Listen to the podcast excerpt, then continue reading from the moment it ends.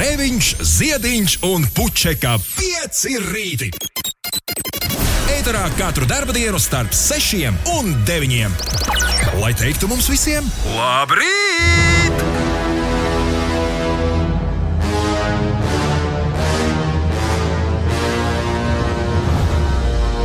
Jā, jā, jā, jā. Otradien, 27. aprīlis. Te nu mēs esam.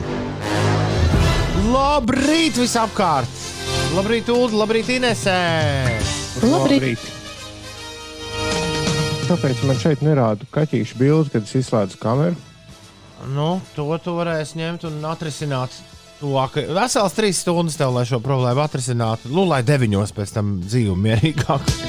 Labrīt, Jā. labrīt tālai, Raimondai, Rainai, Klementīnai. Tālrādē nav šodien vārdu. Uh, viņām šodien, 27. aprīlī, ir vārdu svētki. Sveiciens visiem tiem, kas aizguļas. Es kaut kā šo pavasaru tā uh, nu, cītīgi sāku aizgulēties no rīta. Es pat nezinu, kas ir jādara lietas labā, lai, lai to vēlnu atrisinātu. Oi. Es biju nu pat Aļonas Ostapenko dzimšanas dienas. Ostāpenko, es atvainojos, Aļona. Aļonas Ostāpenko dzimšanas Aļonas. Sapnī? Jā, tur bija Enrique Iglesias, kurš bija kaut kādu baigo gadgetu atvedis. Un Aļona, Denisam piedienas viņš, jā. un Aļona skatās uz mani un domā, un visu laiku Ko viņa, tu tur dari? Nē, viņi man prasa, es, tā, es esmu tā kā DJs. Es stāvu tur, kur nu, parasti DJs stāv. Ah. Bet viņi ir kaut kā tā kā netālu, tā kā tur nav neviens cits cilvēks, tad viņi visu laiku man, tā kā arī tajā tenisā, tā kā viņi runā pat ar sevi vai ar gaisu, uh, vai kaut ko kulisēm kliedz. Uh, Viņi tā man prasa, jo tas man? Es saku, nu, bet skaidrs, ka tev, kam tad citam tas Enrique Iglesias to gadgetu atnesis? Viņš bija sākumā izstījās pēc riteņa, pēc tam izrādījās, ka tas nav ritenis, ka tas ir kaut kas, kaut kāds nu, supermonstros uh, mūsdienu. Es esmu trenežieris. Nu, kaut kas tam līdzīgs. Un, un viņi saka, "O, tas man būs. Es saku, tu domā, man Enrique Iglesias nesīs riteni. Nu, Galīgi kuku sagājus. Nu, šī tā, jā, es, no turienes jūs man izrāvāt ārā. Lai gan ritenis ir zīmīgi. Tas nu, ritenis eh, Piecos. dzīvē šobrīd ir aktuāls. 5.20. Es, uh, es nospiedu pēdējo snūzi, un tad, tad uh, līdz brīdim, kad jūs man uzdabūjāt augšā, Bet tas nozīmē, Biju ka tu tur, snūzi, pie snūzes spiešanas tu esi pie apziņas. nu, plus mīnus, jā. Smuki šodien spaidījās. Bet Tad jau tā nav īsta aizgulēšanās, tā ir aiziešana atkal gulēt. Uh, nu, tā Ei, nu, Ulda ziediņa šitajā te uh, vārnīcā tā tas ir, jā. Manā vārnīcā tā ir aizgulēšanās. Nē, es mēģinu vienkārši analizēt problēmu, lai saprastu, kā, ko ar to darīt. Vai skaļāks modinātājs vai kas, bet tas nelīdzēs, jo modinātājs tu dzirdi Protams, jā.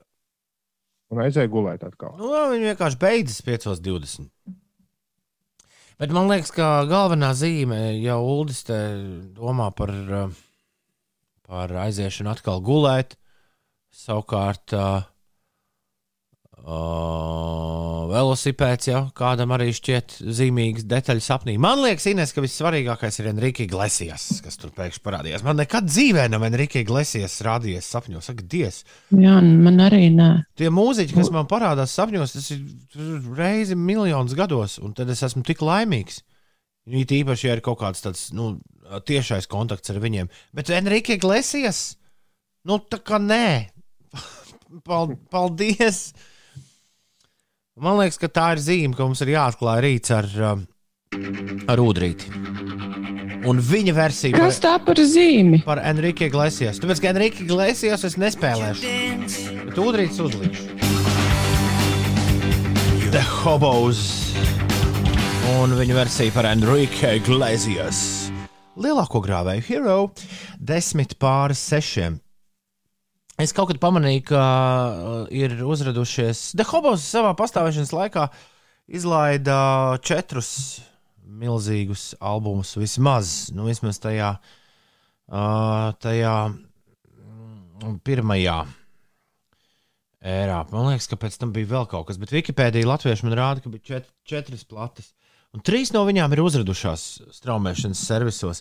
Bet ar Hobos klasiskāko albumu, ar 99. gada debijas albumu Nam Vision joprojām ir kaut kādas ziepes, jo Udrīts bija parakstījis ne tādus papīrus, un to nevar, kā man stāstīja Ilona Baloda, to nevar laikos, kad principā Udrim tas būtu tik svarīgi, šīs kaut vai mazās autortiesības, ko straumētāji ienes. Uh, jā, to Nam Vision nevar dabūt no ierakstu pasaules ārā, uh, rokā. Tas man, ir? skumdina. Arī aģents Vīva, kuras katru rītu pieminu, esot iesaistīts. Tā runā, bet es par to neko nezinu. Ir uh, 11 minūtes pāri pusdienas sešiem. Labrīt! Uh, Ines, es drīkstu vēl vienu dziesmu, vēlreiz iesākt raidījumu. Kādēļ tu man jautā? Nē, tāpēc, ka tu jau biji pikta, ka es pie Enrikas Iglesijas aizvilku. Nu, Re, kur Zin, es neesmu arī izgulējusies īsti, bet Okay. dari, kas tavuprāt liekas par labu esam. Kas Uldim ir? Nē, es skatos, ka Discord saka, ka platforma ir izdevējs. Bet, Jā, bet tas- platformas katalogu esot pārpirkuši vienā Ah, brīdī, vai kaut kādas maiņas ziņā atguvuši citi ļaudis. Un tagad ar to izkasīšanu ārā, ne, nu redzat, kaut kas jau ir noticis. Jo to, to laiku, kad es par šo uztraucos un, un, un runāju ar, ar, ar, ar Rolandu Gu- Rupas biedriem, viņi visi plātīja rokas. Rekur Perfect Solution, Flashback Mornings un Radio Džāģā ir dabonami uh, straumēšanā, bet Number Vision joprojām nav. Bet tur jau bija visi tie lielie, lielie hiti. Ir 12 minūtes pārpusdienas sešiem. Tiešām gribas uzlikt vēl vienu dziesmu, bet uh, tādos sautīgos nolūkos. Jo es pagājušā sestdienā divas stundas spēlēju Latvijas radio 5,5 LV 8. vakarā uh, kārtējo savu uh, raidījumu 5 klausās izlaidumu. Un tas ir pieejams visur uh, straumēšanai, gan Latvijas radio uh, 5 oficiālajā mājaslapā 5 LV, gan arī ievadot e-punkts uz slīpsvītrā Grevins klausās. Grēviņš klausās. Nospied Enter, un tur rekur pašā augšā ir 5 klausās 24. aprīļa raidījums.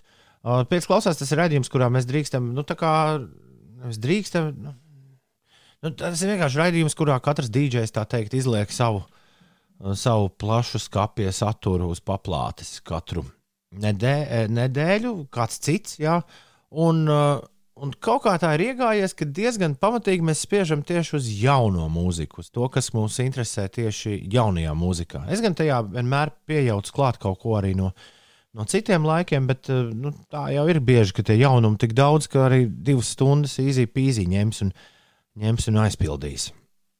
Un šis ir čels, par kuru es neko nezināju pirms kāda laiciņa. Es uzzināju, ka tāds Losandželosā eksistē. Viņu sauc Niks Waterhouse, un man liekas, ka Very Blue ļoti labi piestāvēs arī rītam.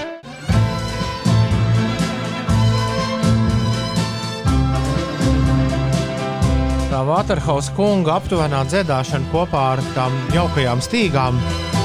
Nezinu, kā citus, bet man šajā kārtējā pelēkajā rītā dara nedaudz laimīgu. Ir 17 minūtes pārpusdienas sešiem. E-punkts uz Slimsvītra Grēviņš klausās. Es esmu, jā, vesels divas stundas spēlējis foršu muziku, un, ja tu vēlēsies to dzirdēt, tad to tu vari dzirdēt uh, iepriekšējā piecklausās raidījuma ierakstā. Paldies! Ja kādā brīdī to paklausīsies, tas darīs prātu priecīgāku. Tad droši vien tu izdzirdēsi vienā brīdī kaut kādu baigos viestu un vairs neklausīsies tālāk. Nu, labi, Strūns par to ārā ir. Es gribēju jā, to pateikt sākumā, bet aizmirsu. Ārā ir lielākie nokrišņi, man šķiet, kādi bijuši kopš es strādāju no garāžas studijas un kopš nebraucu uz radio. Jo es diezgan samirku nākot, nākot uz darbu, tā teikt. Ulus un Inês neticīgi tagad skatās ārā pa logu, vai tā varētu būt. Es vakar sēdēju vienā sapulcē, un uh, sniegputens man ar vienīgajam bija. Es teicu, vai jūs redzat sniegputeni? Tas mirklis bija netverams, bet viņš bija uz, uz minūtēm, divām, trijām. Un uh, cilvēki, kas atradās Rīgas citos galos, tā kā nu, centrālāk, teica, ka nē, nav nekāda sniegputeņa. Kas, Vakar dienas vidū bija ir? krusa. Zinu no cilvēkiem, kas bija ārā tajā brīdī. Ap kaut kādiem, nezinu, tur trījiem, Nē, četriem. nē, bet pēc 11. man bija sniegputens. tāds īsts. Bet, bet nu uz divām, trim minūtēm, un tad arī viss, viss izbeidzās. Kā es jums Ko es saku. darīju pēc 11. Tu jau biji lielajā miegā, jo vakar tu taču biji uh, guļošā princese. Iespējams, jā, es uh, nu, atļāvos netīšām tādas trīs stundas nogulēt. Pagaid, Es, protams, jā, es domāju, ka par to mēs varam papļāpāt bišķi vēlāk, izvērstāk. Ah. bet pabeidz, bet pabeidz, kas, protams, Nē, tas, protams, atspēlējās man vakarā, jo ap kaut kādiem pulksten pusdiviem naktī es gribēju jums rakstīt, ka man nenāk miegs, un es nezinu, ko darīt. šobrīd ir 9, Tāpēc, ka esi pie mums tomēr nonākusi. Bet ir 19 pār 6. Tev tagad nāk miegs, vai ne tieši otrādi? tagad varētu labi pagulēt. Bet tā vietā tev ir ko darīt. Tev ir uh, jāpastāst mums par jaunākiem laika apstākļiem un iespējams kāds sporta rezultāts jāpiemet vēl klāt. Jā, nu es skatos ārā pa logu, man šeit nelīst. Bet uh, vispār agrā otrdienas rītā Latvijā ir apmācies laiks, un valsts austrumu lielākajā daļā arī lietains laiks vietām. Ir arī sniegs, uh, krīt no debesīm, un braukšanas apstākļi, neskatoties uz to, gan tomēr ir apmierinoši. Daudz vietā ir dūmaka un gaisa temperatūra tikai 0,4 grādi. Bet uh, dienas gaitā daudz vietā Latvijā starp mākoņiem uzspīdēs saule. Valsts lielākajā daļā būs īslaicīgi nokrišņi, pārsvarā lietus un lietus gāzes ar krūsu. Tā prognozē sinaptiķi pūšot lēnam līdz mērenam ziemeļrietumu vējam. Gaisa temperatūra pakāpsies līdz plus 5, plus 9 grādu atzīmei. un Galvaspilsētā nav gaidāmi būtiski nokrišņi. Gaisa temperatūra pakāpsies līdz plus 7 grādu atzīmei, un vējš lēni līdz mēreni pūtīs no ziemeļrietumu puses. Nu, ja Toms prasīja par sporta rezultātiem, tad latviešu basketbolists Dāvis Bartāns guva 13 punktus Nacionālās basketbola asociācijas regulārā čempionāta spēlē, bet viņa Vašingtonas Wizards vienība ar rezultātu 143 pret 146 tomēr zaudēja viņa bijušajai komandai San Antonio Spurs. Un Wizards šobrīd ar 27 uzvarām 60 spēlēs ieņem desmito vietu Austrumu konferencē. Šobrīd arī notiek uh, Kristapa Porziņa pārstāvētās vienības Dallasas Mavericks eh, spēle pret Sacramento Kings, bet šajā spēlē Kristaps nepiedalās. Atpūšas. Viņam tur arī tāds neliels savainojums iepriekšējā spēlē tika gūts. Spēlē Playstation mājās vai, Šmigsbox. Gan jau, ka tur. nē. Ā, domā, sēž mā, mā, jā, jā, bet Es domāju, ka jā. pareizi, pareizi. Labrīt, jaukie piecīši. Esmu ceļā uz darbiņu. Laukā lietains nomācēs aiz loga pelēks. Šodien būs lietus. Easy, bang, bang, tudī, birī, lucky, kongresī, tamī. Tā raksta Alfrēds. Tomo ir pamodies, Raimis ir kopā ar mums. Sliktā meitene saka, ka varētu celties, bet nu tik ļoti netīkas. Bet labi, ka nākošais nedēļa atvaļinājums, lai visiem saulaina šī diena. Starp citu, sliktā meitene nav vienīgā, kurai nākamā nedēļa ir atvaļinājums. Uldis Ines mums pametīs nākamās nedēļas vienīgajos trijos rītos. Tā ir vienīgā labā ziņa par nākamo nedēļu. Nākamā nedēļa sastāvēs no trīs uh, darba dienām, kurai galā gan ir vēl ceturtā, kas ir darba sestdiena. Uh, es atcerējos, ka man tevi jāmēģina pierunāt arī sestdienā. Piecelt, mani? jā, piecelties, jo Ulda nav. Uh, Uldis būs atvaļinājumā. Nu, mēs paliekam duetā, ja arī tu grasies pa, pazust. Un es tev viens Nu, es, pats uh, uh, platis Es vēl domāju par uh, māju. Ir man šāds tāds plāns, ka varētu uz kādu laiciņu pazust. Bet atcerieties, ka 8. maijā darbdiena ir īsāka par divām stundām.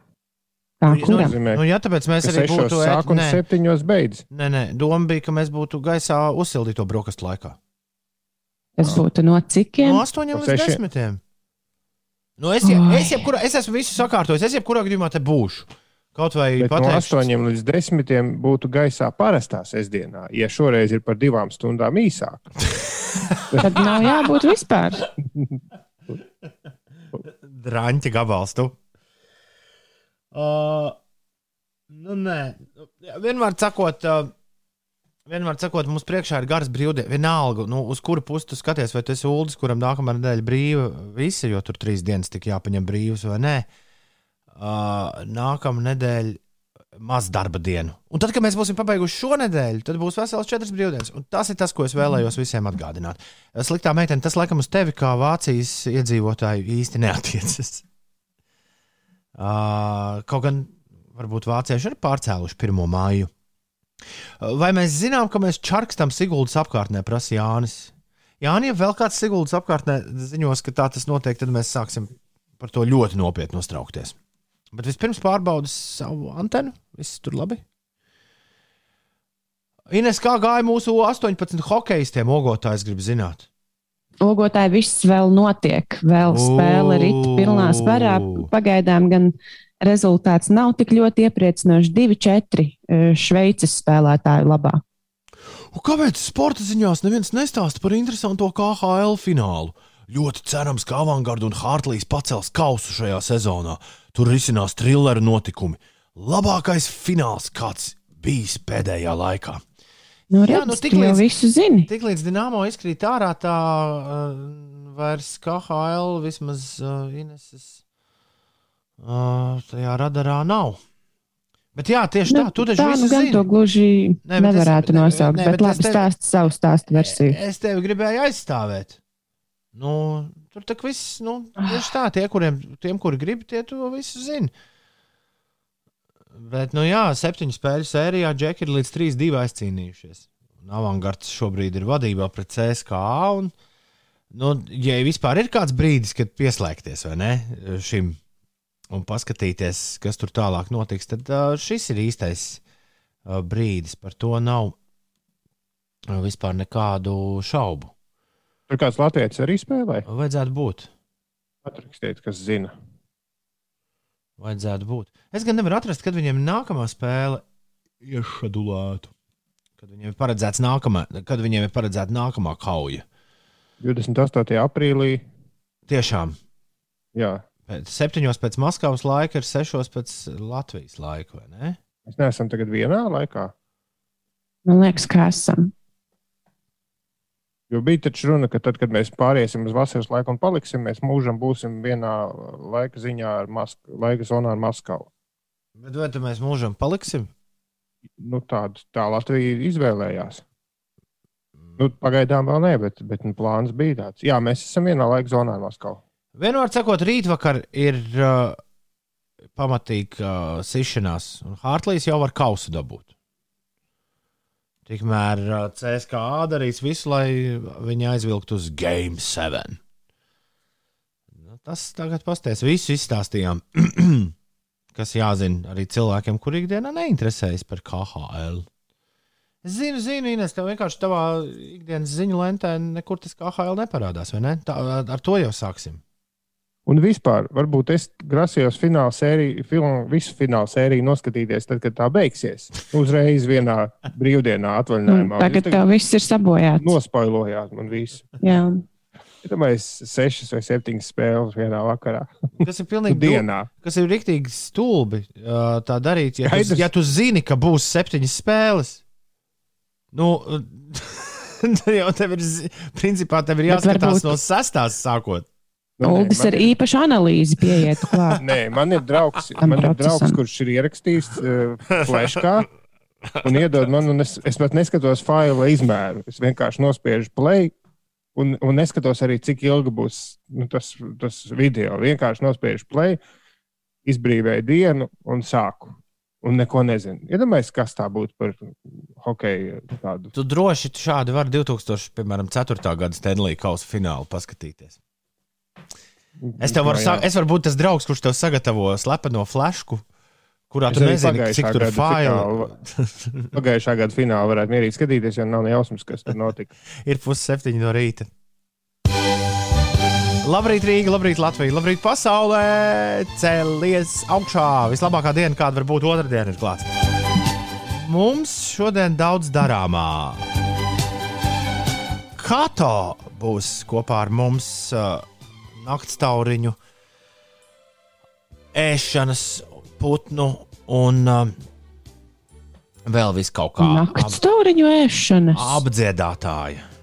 Nē, tur bija komats pa vidu. Naktstauriņu, komats ēšanas, komats putnu Un vēl viss tā, to uzreiz ap- nevarēja apdziedāt. saprast. Likās, ka gan naktas tauriņa, gan ēšanas speciāliste. Nē, viņa dzied par to, kā to mūsu Eirovīzijas jaunajā stūrītī paviesosies. Šorīt mums būs arī ciemiņi, kuri ir ar dizainu uz tu. Jo šodien mēs izziņosim, gribētu teikt, ikgadēji, šī jau ir ikgadēja tradīcija, bet tagad kādu laiku Latvijas dizaina gada balva nav notikusi, bet arī Arī 2021. gads nav izņēmums. Pirms to uzzina kāds cits, mēs būsim pirmie, kuri izziņos visus nominantus Latvijas prestižākajam dizaina apbalvojumam. Un tad vēl mums jau ir vesela kaudze vēl savu lietu, kas ir, kas ir jādara, un ar tām mēs arī noņemsimies. Bet Inês, tā tad vakar, man liekas, vakardien bija tik. Uh, tik neinteresanti, manuprāt, nu tāda, lai par to kādam stāstītu. Ko, ko tu vakar darīji? Uh, well, nosēdēju pie datora visu dienu. Nu, e, tas būtu tas, ko es teiktu. Bet uh, Inesai bija uh, visinteresantākais piedzīvojums no mums visiem trijiem. Es tā pieļauju. Uh, Domā, jā, jo tavai trīs stundu gulēšanai dienas vidū bija iemesls. nu jā, bija. Es biju aizgājis asinis nodot. Un, uh, un, un, un nu, ne, ne jau es sajūtos kaut kā švaki vai kā, bet es domāju, ka nu, tad, kad es esmu nodevis asinis, tad es pilnīgi noteikti drīkstu atlaisties gultā uz uh, kādu brītiņu, atpūsties. Un tā tā atlaišanās gultā netīšām ieilga līdz trim stundām, jo es biju uzlikusi kā modinātāju nu, pēc stundiņas. Bet, uh, bet tas miedziņš bija tik salds, ka es uh, paspēju uzlikt modinātāju vēl pēc divām stundām un nolikt telefonu uz uh, naktas skapīša. Nu, un, jā, protams, ka man tas atspēlējās vakarā, jo, jo arī pēc pastaigas ap pulksten pus 11. vakarā man miegs nenāca, un ap pulksten pus diviem naktī man vēl joprojām miegs nenāca. Tad nu es ieslēdzu uh, Modern Family un noskatījos apmēram divas sērijas. Un, Un, protams, ka šorīt man nāca miegs. Jā, Es esmu atradis Ines vislabāko miega devēju pasaulē. Uh, Kurta Vanagūta romāns Čempionu brokastis. Tur es atzīšos, es lasu pirmo, pirmo reizi. Un, un, tā, nu, ne, nesakot neko sliktu, bet tur ir tāds murgs sarakstīts, ka tu vienkārši jau tas romāns ir kā sapnis. Un tu ļoti ātri mēģinot iedziļināties, jo vairāk mēģini iedziļināties un saprast, nu, kā tur un kas tur notiek un kāpēc. Īpaši kāpēc. Jo ātrāk uznāk tāds lūziens un tik salds un skaists. Mm. Man vienmēr ar, ar Jā. grāmatu lasīšanu ir tā, ka tur arī jābūt tiešām tādam uh, pareiziem dvēseles noskaņojumam vai smadzeņu stāvoklim, jo man liekas, ka tur tiešām ir jāsako līdzi tam, ko tu lasi un jāsaprot. Nu, šeit īsti nav ko saprast. Tātad Kilgors, Kilgors trauc. Tev ir tā kā bērnībā bija Jānis Jārāns, mie, ma, ma, miedziņš, kurš atnesa atvelk miedziņu un tevi Jā. nogulda. Apmēram. Bet vispār man liekas, ka Vanagūts ir smalki izņirgājies par visu pasauli un vienkārši uzrakstījis kaut kādu murgu un pats pie sevis smējas, ka visi to lasa. Jo e, kaķis šūpulis man ļoti patika, bet čempionu brokastis man tiešām liekas, es mēģināšu otrais palasīt, bet man šķiet, ka tā ir izņirgāšanās par lasītāju. Ak, Ziediņa kungs, nu tas taču postmodernismā labākais paraugs aizvadītā gadsimta 70. gados. Nu, kā jūs šādi varat runāt? Nu, es palasīju atsauksmes, ir cilvēki diezgan daudz, kas dala šo viedokli. Ka, nu, Vai viņi, vai viņi ir ar grādu, jo tu pavisam noteikti neesi literatūrā, ne ar kādu grādu. nē.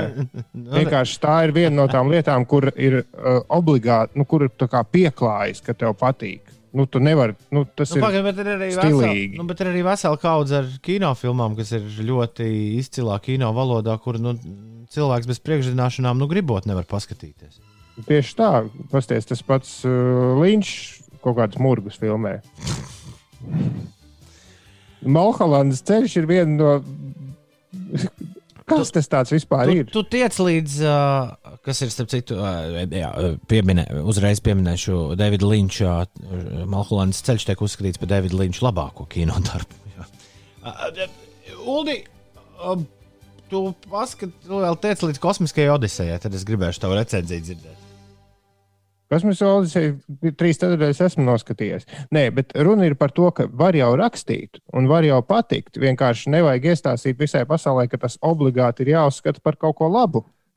Katram var būt savs viedoklis. Līdzīgi kā es desmitajā klasē uzrakstīju par Māru Zālītu kritisku sacerējumu un dabūju literatūrā divnieku. Tāpēc, ka skolotāja bija viņas koju biedrene bijusi institūtā. Un kā tu drīkst vispār rakstīt kaut ko sliktu par Māru? Ar manu kopmītņu istabas biedreni. Jā, Ielā, Līdz ielaiž, ar to jā. nē, es palieku pie sava čempiona brokastis. Pagaidām izskatās, ka kaut kāds murgs. ielaižam bišķi kurtu, kurtu vonegūtu ēterā. I might have told Bunny Hoover's fortune, too. Your father will become extremely ill, and you will respond so grotesquely that there will be talk of putting you in the booby hatch, too. Paldies! Un viņš izliekas, ka viņš ir baigi asprātīgi un visādi zemteksti. Tie zemteksti ir tik caurskatāmi. Nu, tajā laikā tas droši vien bija kaut kas wow. Bet, nu, nezinu. Varbūt tā bija kļūda sākt tik, tik lielā vecumā pirmo reizi lasīt. Kaut gan es vēlreiz saku, ka Kaķis Šūpuls bija fantastisks, brīnišķīgs. Un arī tas Fahrenheits bija ļoti lasāms. Bet tieši čempionu brokastis, es, man liekas, viņš pa mani smējies. Mīļie piecīši, vai jūs varat pateikt par basketbolu ogri Vēnspils? Ar kādu rezultātu beidzās? Alfred, tu taču noteikti to zini no galvas. Alfreds pats taču mums rakstīja par spēles rezultātu, man liekas. Ogri uzvarēja ar 93 pret 83. Ah, Jā, Ventspils zaudēja pirmajā pusfināla spēlē. Un nu pat vēl kāds pamodies. Kā mūsu 18 džekiem gāja šonakt? Viņi šobrīd Jā, nu, spēlē. te vairs, vairs jau nespēlē. Ah. Spēle ir noslēgusies Oi. šo laiku. Oi, Un, oi, oi. jā, šveiciešiem, nu, es teikšu, paveicās. 4-2 rezultāts palicis. Ir. Izlīda caur atslēgas caurumu. Caur Jā, jā, jā. Ir ā, 6,38 minūtes. Prieks, ka esam visi atkal tikušies. Lai arī kādi būtu rezultāti sportā, tomēr par uh, to nu gan, es domāju, visiem jāvienojas. Tā tas ir. Labrīt. Inesē, atkal tev jāstāsta, kas notiek. Šitā ātri pienācis tas mirklis. Es mēģināšu izstāstīt visas tās eh, visas sporta rezultātus, ko visi gribēja uzzināt. Tātad eh, Latvijas U-18 hokeja izlases pasaules čempionāta pirmajā spēlē tikās ar Šveices valsts vienību. Eh, Diemžēl šo spēli zaudēja ar rezultātu 2-4. Un divas dienas pēc šī mača Latvijas izlasē paredzēta cīņa ar Kanādu. 29. aprīlī jātiekas ar Baltkrieviju. 1. maijā grupu turnīru Latvijas valsts vienība noslēgs ar spēli pret Zviedriju. Tālāk Nacionālajā hokeja līgā šobrīd eh, rit spēle starp Rudolfa Balcera pārstāvēto eh, San Jose Sharks un. Uh, nevarēs vaļā man tik ātri uh, datorā spēles. Un Kojotīs vienību. Pagaidām spēles rezultāts ir 1 pret 4. Šarks uh, ir vadībā. Cerams, ka saglabās arī savu uh, rezultātu.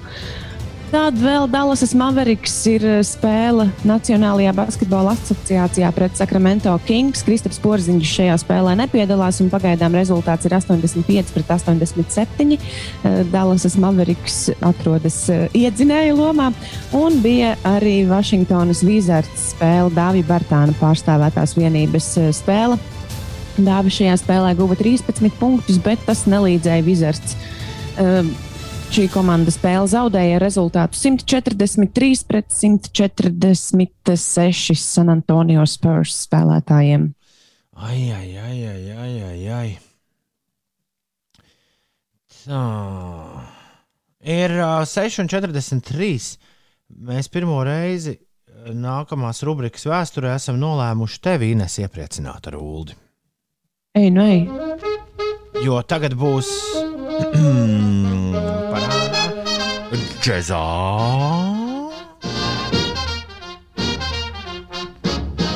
Oldi. Uldis ir aizņemts. Tikai Meitenes! Vai pēdējais jautājums, ko es tev pajautāju, Ulu, čatā, vai uz to atbildi ir jā, vai tur man ir jāmeklē ieraksts? nav nejausmas. Tur, kur tu vari atrast TV arhīvu. Jā, bet kā mēs zinām, ka e, mēs. Kā mums tā, kāpēc lai mums time kodu sakristu? Uh. Ko jūs, kas jums Šis ir padomā? šis ir traki. Nē, man divas minūtes iepriekš man ienāca prātā ideja. Ulu saka, yes, darām, bet es šobrīd nevaru. Uh, Uh, ok, savā ok, galā- ok, ok, atceļam. Es sapratu, ka tev ir cita aplikācija, un tu nesakritīs nekas. Labi, nebūs. Man vajadzēja ierakstīt ekrānu, un tad būtu bijis. Damn. Žēl. Tā! Tas ir Es tas, varu no sava telefona palaist. jā. tas, ir tas kas vienmēr Kā? Tas ir vien... at- Atsūti man screenshot, no kurienes. Ah, ah, ah, Labi, Nu, tev nav, tev nav šmelio aplikācijas, vai ne? Labi, viss. Uh, tagad būs herbs. ah, Ines, viss. Tas ir tik stulbi, ka dažreiz tu iedomājies kaut kādu domu, un tad izdomā, ka nevajag dusmoties ēterā. raidījums var, raidījums var tikai iegūt, ja tu ļoti ātri kaut ko izdarīsi. un tad Tā ir briesmīga sajūta, ka tu saproti, ka neko tu ātri neizdarīsi, jo, jo timekodu nesakritība mūs nogalina. Līdz ar to mēs atgriežamies pie iepriekšējā plāna un klausīsimies Herbu Albertu. Kur tev Herbs Alberts uh, uzkrita virsū? Man šķiet, ka man viņu izmetā. Ah, es viņu dzirdēju vienā ārzemju radio. Slavenais uh, aktieris Stevens Fry. Uh, lūgts izvēlēties kādu, jebkādu dziesmu, ko viņš vēlētos dzirdēt uh, piekdienas vakarā DJ setā. Uh, un Stevens Fry ir nu, komiķis diezgan ar tādu labu humoru izjūtu. Viņš teica, protams, ka vienīgais, vienīgais vispār, ko es vēlētos dzirdēt pasaulē, jebkurā DJ setā, ir Help, Ar, Hel, Herb Alpert and the Tijuana Brass. Un es kaut kā es biju dzirdējis dažas dziesmas, un viena no viņa dziesmām ir, ir dzirdējis visas paudzes, kuri klausīsies savulaik Fredu Nufo, jo viņiem katru rītu bija kā fons kā vairākām rubrikām Herba Alberta skaņdarbā. Bet tad es vienā dienā braucot mašīnā tālāk gabalu uzliku un secināju, ka ir ļoti foršs, lai arī tu pareizi rakstīji, absolūts pops, bet ārkārtīgi pozitīvs. Un tā kā tur ir pūšamie instrumenti un brāzas un viss, tad es to mierīgi pieskaitītu džēza rubrikai. Herbu Albertu es pirmo reizi, starp citu, par viņu uzzināju šajā raidījumā. Senos laikos mēs laika mašīnā ceļojām uz visādiem ļoti tāliem laikiem, un vienu reizi mēs uztrāpījām uz gadu un datumu, kad Herba Alberta Rise bija pirmajā vietā Amerikas Savienotajās valstīs. Tad mēs to spēlējām paši bijām ļoti izbrīnīti. Kā es šodien atceros par to, ka kaut kas tāds ir reiz bijis Amerikā pirmajā vietā. Vienmēr sakot, vīrs ar uh, pamatīgām, uh, ar pamatīgiem, tā teikt, uh, kā saka, radu rakstiem, ja, ja kaķim tur, uh, ja kaķis dišciltīgs šķiet. Uh, Nu, jā. mm, uh, joprojām, starp citu, šai saulē 86 gadi Un viņš tur amerikāņu trompetistam Herbam Alpertam. viņš joprojām spridzina. Ko mēs no uh, viņa klausīsimies, Uldi? Nu, varbūt kā var uzlikt dziesmu, uh, kā pie otrdienas Monday. Monday. Monday, Monday, tu, tu, tu, tu. Viņš daudz Vai arī A Taste of Honey vēl ir ļoti tāds man palicis galvā. Ot, Beatlu gabals. A taste of honey. Dāmas un kungi, džēzā tikai meitenes Herbs Alperts un Tijuana Brās.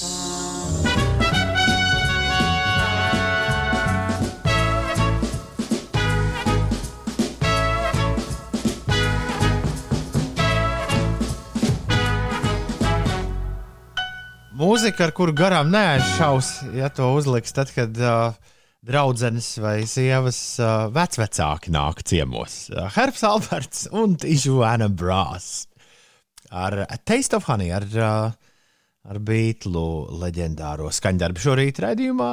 Uh, Pieci rītī rubrikā Džezā tikai meitenes. Par tiem vecvecākiem Inês tā noskatījās uz mani. Man likās interesanti. Vajadzēja vairāk pievērst uzmanību mūzikai. Tādām, tādām. Un man un tas bungu sitiens, bum, bum, bum, bum, bum, bum, bum, bum. Nu, jā, tas ir tas drops, jā, vai kā. jā, jā. Es atceros, tas bija veco laiku drops. Ir bez deviņām minūtēm, septiņi. Mm, kas tā tāda? Tā Višķi jau aprūsējusi. Kas? Es ne, pēkšņi nevaru atcerēties. Rūsa. Rūsa. Jā, eļļo būs Ines kaut kas tagad. Uh, jā, eļļo būs. Ah, pareizi. Tā taču ir. Laika mašīnā. Sarūsējušā balsī.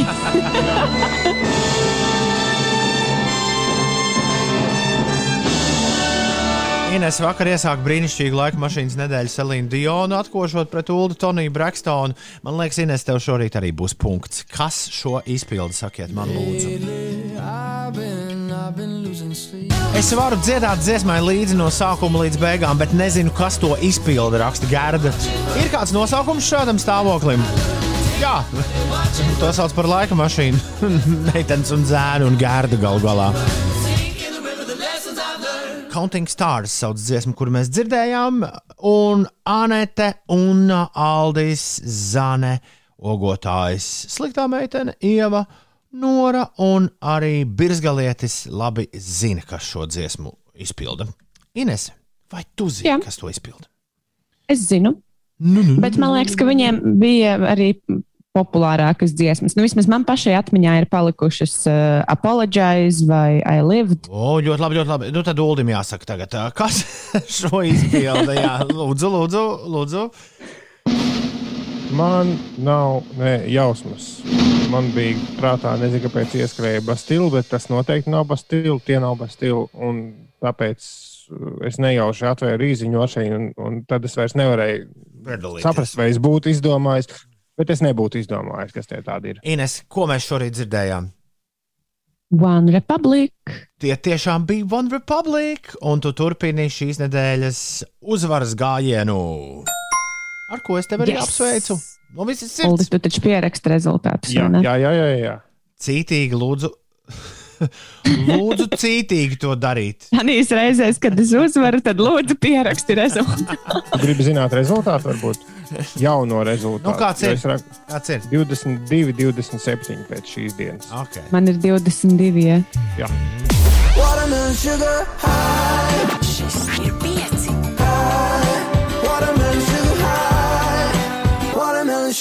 Uzgriez! Labu, labu, labu, labu, labu, labu, labu rītu visiem. Arī tev, Ines, un Ulu, tev arī labu rītu. Labrīt. Mēs kādien varētu uzvilkt visus tādus uh, krēklus, kāds Inesē ir. Kāpēc? Vispār, vispār mēs nekad, ne, man liekas, ļoti reti esam saskaņojušies, bijuši ēterā ar kaut kādām krāsām. un Tā, ne, nav, jau tā, man ka, liekas, nekad neesam speciāli skaņojušies. nav jau tā, ka kāds to redz, bet tā kā mēs paši to redzam, un uh, šajā laikā arī viss kaut kas te tiek filmēts kaut kādiem nākotnes video darbiem, vai drīzāk teiksim, tā ierakstīts ekrāns, uh, kurā mēs visi satiekamies. Tad ik pa laikam gribas par to iemuldēties. Bet, Jā, nu par šo es neesmu pārāk priecīga. It kā likās, o, neviens neredzēs mūs, bet nē, pat attālinātā laikā kaut kādi video ir jāuzņem. Uh, Ines, tu gribi, lai Latvija, mēs rakstīsim Kārlim Dagilim iesniegumu, kurš tagad ir Latvijas, smejies vai raud, Latvijas radio ziņu dienesta uh, vadītājs. Mēs rakstīsim viņam ies, iesniegumu, lai ziņas kļūst nedaudz garākas no rītiem. Man liekas, ka viņš īstenībā nav vadītājs, viņš ir galvenais redaktors. Es atvainojos. Bet... Bet, um, jā, es biju iedomājusies, ka ar tām piecām minūtēm pietiks, lai apēstu buļbuļsāļu pīrādziņu, ko es sev biju sarūpējusi vakardien. Bet nē, ir par maz. Tas joprojām stāv Viņām- uz galda, neēst. Nu, nē, pa pusē apēsts. Man ir Ā. palikuši pēdējie divi kodieni. Ines, man ir precīzi tāpat. Man bija siera maizīte, ko es nopirku svētdien un saglabāju līdz šodienai. Un arī ir palicis rekords garoziņš, ne, neapēsts. Tas garšīgākais, kur sieras ir. Jā, aptuveni nu, 30 sekundes vajadzētu vēl garākas. Piedo- Piedodiet, bet uh, garāžas studijā nekā ēdama nav. Es nevaru neko kulināru pielikt no sevis, sevis klāt. Nu, tā jau it kā nav mūsu problēma. Nav, nav bet- gan. Nav gan. Nav gan. Bet, nu, tā, lai būtu tāds uh, trijo lokus noslēgts, kaut kas jau bija jāsaka. Labu rītu! 9 minūtes pāri 7. Otradien, 27. aprīlis šeit, Latvijas Rādio 5,5 LV ar tevi kopā. 5 rīti!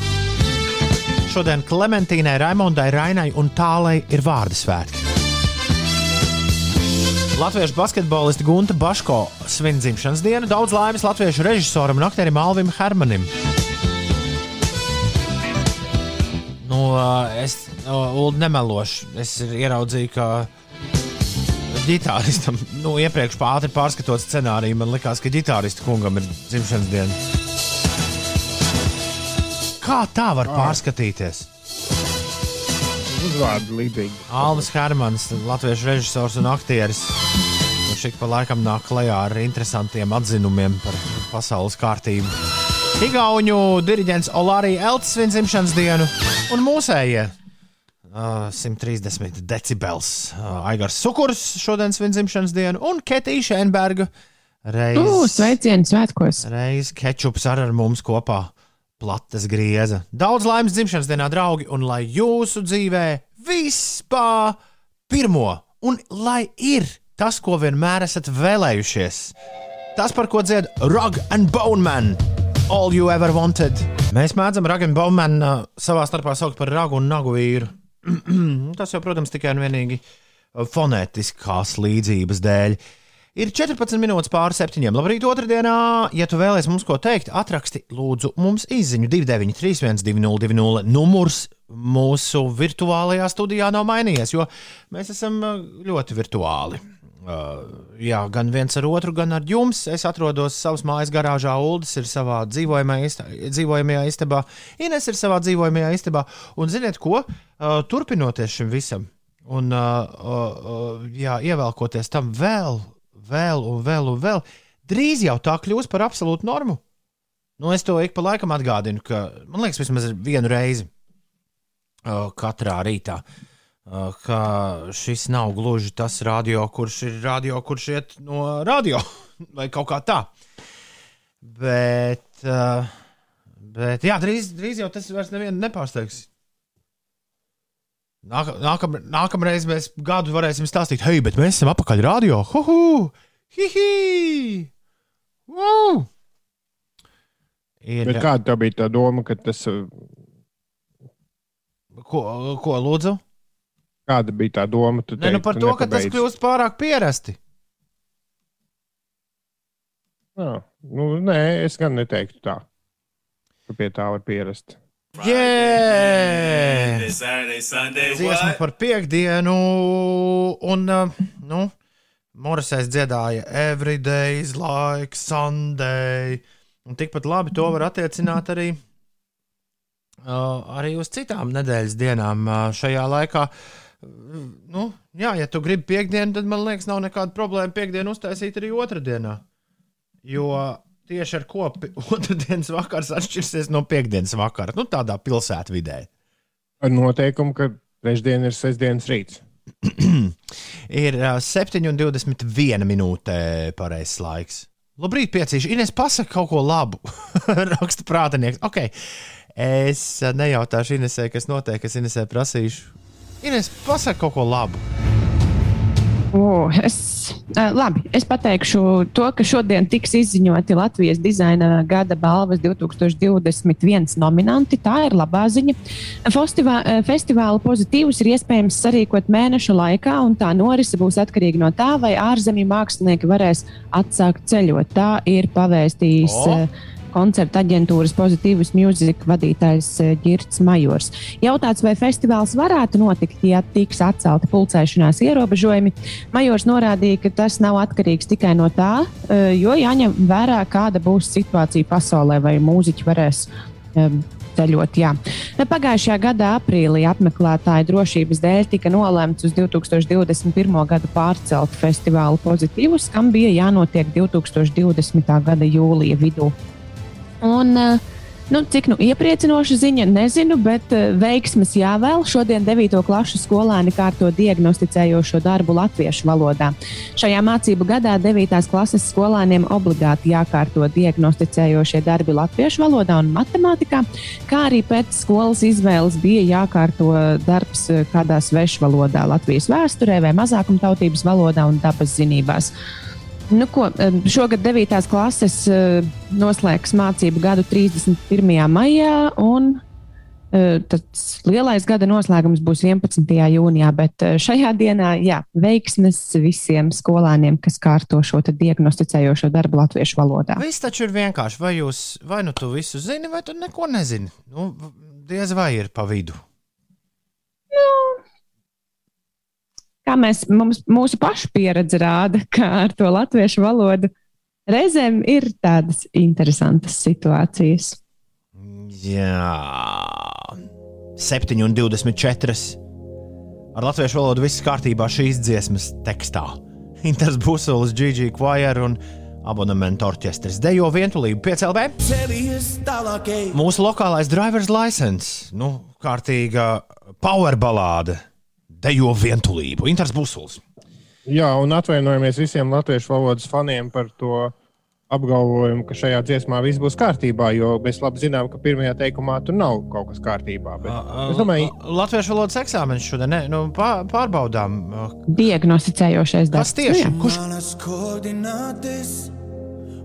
viss, viss pietiks jau? Ja? jā, koordinātas, dārgie vidusskolēni. Ar A. Jā, koordinātas atstāsim busulim. Koordin... Jā, jā. Vienkārši viņš speciāli ielicis, lai būtu no kā mācīties. Klausies, Ines, pirmo reizi šī raidījuma vēsturē Uldis man ir iedevis kompaktdisku ar, ar, ar pašmāju viņš tev mūziku. to ir Ar nodevis? pašmāju mūziku. Viņš to ir atsūtījis Pastu. ar kurjeru pastu. Un, um, jā, Uldi ievada mūs tajā, ko mēs tagad uh, klausīsimies. Nu, es pateikšu vienkārši, es biju iegājis Instagram un es, es sekoju šai māksliniecei. Un, bet, uh, Mēs visi Instagrams- sekojam, mēs taču esam ļoti draudzīgās attiecībās. Nu, skaidrs. Un Instagrams ritinās pats uz priekšu. Un arī Ingūns Viljams, kas ir dziesmas autors, ir Arī labs draugs. Labs, labs draugs jā. un Instagrams ritina savus stāstījumus uz priekšu, un pēkšņi es dzirdu kaut ko ļoti pazīstamu.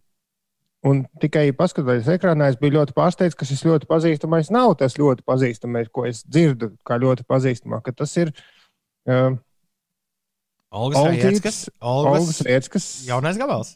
Jā, nu jau pāris nedēļas vecs, Ingūna Viljams sarakstīts un producēts.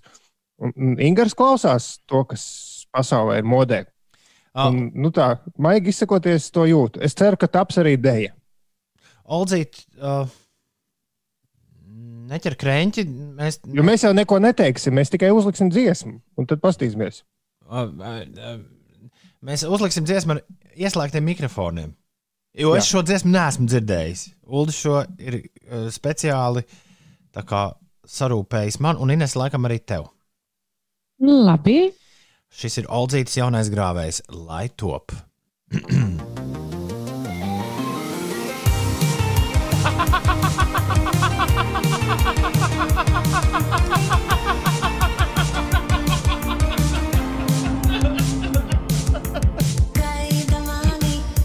Tu arī tā nesaprati, par ko es smējos. Ines, ja? Es, man vienīgais, kas ienāca prātā, bija The Weekend. Nevar būt. Nu, es nebiju līdz galam pārliecināta, tāpēc es tā nesmējos. Bet uh, tu esi. Tu arī saskati kaut kādas līdzības.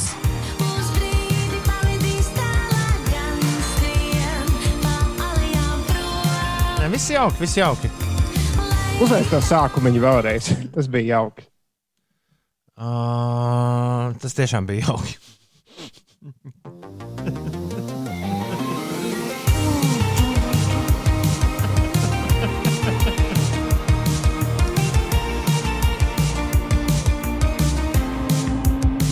Aldzīt, neķer krēķi, ja tu netīšām šim uh, fragmentam mūsu raidījumā esi uzgājusi, uztrāpījusi virsū. Mūsu kolēģi Latvijas radio divi šo drillēs uz, uh, uz nebēdu. Dziesma jau jauka un ļoti saulaina, arī vizuālajā materiālā ar, ar skrituļu slidām. Un, Un tā. Dun, dun, dun, dun, dun, dun, dun, dun, dun.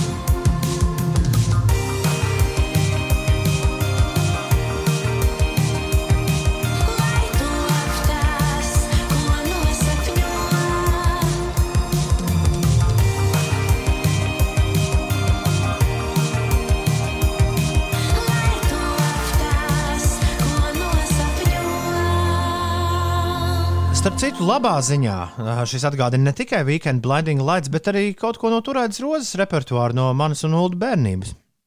Nu, tāda, no, saliekot tos sintēzatorus kopā ar Oldzītas balsi. Nav, nav Varbūt The Weekend ir klausījušies to. daudz skaitlī. Ah, The. Weekend ir Daudz klausījies. skaitlī. jā. Ei, Es ilgi nezināju, ka tas ir viens. Ines Daudz. Uldim, tev ir liels jautājums uzdodams Nu, nu. par mežu. Jā, Jā, atziņa. Un tu kā meža meita varētu man palīdzēt šo atšķirt. paldies, Uldi. Nu, man tā liekas, ka tu esi bērnībā, jaunībā daudz pa mežiem skraidījusi. Es nejūtos nemaz tik vecs arī eh, mūsdienās. Nu, arī, arī šobrīd skraidi. Klausies, sakot, pēdējā gada laikā ir sanācis ļoti daudz vazāties pa visādiem mežiem. Man mazliet pārsteidz, ka tur alaži, it īpaši tādos skaistos eh, skrajos priežu mežos, ir nu, tādas taciņas. Un es vienmēr priecājos, ka, nu, ka nu, tev ir taciņas, un tu vei pa tām taciņām, un nav jābrien vienkārši pa sūnām, un it īpaši, ka ir mitrs. Un, bet es vienmēr domāju, kā var būt, ka te, tie cilvēki tik daudz ir staigājuši, ka tās taciņas ir radušās. Un tikai pagājušajā nedēļas nogalē es vīrs, nu jau spēka gados, pēkšņi sapratu, ka paga, bet ja suns Uh, jo mēs ejam pastaigās bieži vien ar sunīti. Un suns ļoti per perfekti prot atrast taciņu. Viņš neskrien pa vidu, viņš skrien pa taciņām. Mhm. Mm. Ja suns skrien pa taciņām, tā tad arī meža zvēri skrien pa taciņām. Tā tad, Ej, nu, Uldi. tad iespējams tās taciņas ir iemīdījuši nevis cilvēki, bet zvēri. Es, protams, kā meža meita varētu konsultēties ar kādu briedi vai stīrnu, bet es teikšu, ka jā, tās ir zvēru taciņas. Nu, Skaidrs, ka tas nav nekas dišs, bet iedomājieties, man tikai tagad šī atziņa atnāca. Es nekad nebiju par to domājis. Es skatos, Nu. pagaidi, pagaidi. Suns. Kā zina, saka, ka labāk ir- jau vēl nekā nekad. Izrādās, ka zvēri, tā, tad tā ir zvēri arī saprot, kas ir taka un kas nav taka. Ja? Nu Jā, jo Dažreiz zvēri varētu saprast lietas arī labāk nekā cilvēki. Nu, kā man liekas, ka zvērs kā mežā iet tāpat taisno durvis. Nu.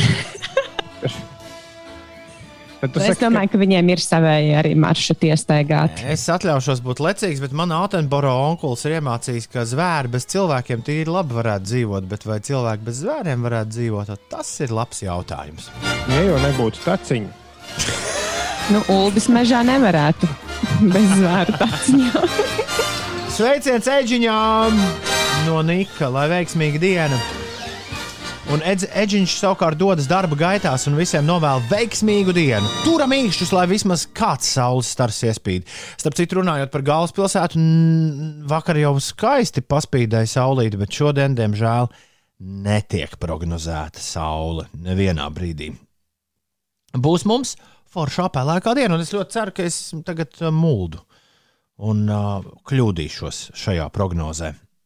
Labrīt, piecīši! Šorīt ļoti vēlos nosūtīt sveicienus savam Jānim. Viņš katru rītu savā 15 minūšu ceļā uz darbu jūs klausās, un tā jau kopš 5 rītu rašanās. Šis gads ir īpašs pirmkārt jau tāpēc, ka Jānim paliek 35, un otrkārt šovasar gaidām mūsu ģimenei pievienojamies otru bērniņu. Jānis, tev mīlu, tā raksta Iveta, un jums, Tom, Inese un Uldi, foršu dienu! Lielas paldies, Iveta un Jāni! Turi būru! Jā. Ulu, es esmu ar tevi. Man arī tikko uzsprāga prāts uzzinot par takām. Raksta Banķērs Kaspars. nu, es ceru, ka otrdienā šī varētu turpmāk būt tā regulāra rubrika. Meža meitas, meža meitas spridzina smadzenes mums visiem. Uh, jo Kārlim jau ir nākamajai epizodē jautājums. Ines, kā meža meita varētu arī paskaidrot, ja mežā nokrīt koks un neviens to nedzird, vai tas krīt ar skaņu? Līdz galam nesapratu, Kārli, tavu jautājumu. Ir 7 un 37. Uh, Ines, lai skan meža dziesma, ko tu saki par to? Uh, Jā, lai skan. lai skan meža dziesma, liekam augšā.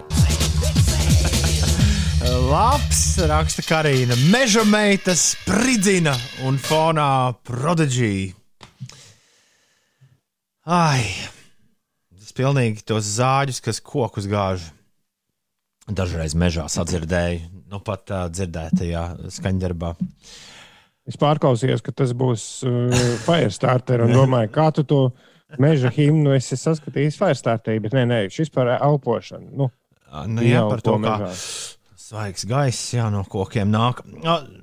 Sveicieni Kasparas sievai Raimondai vārdu dienā.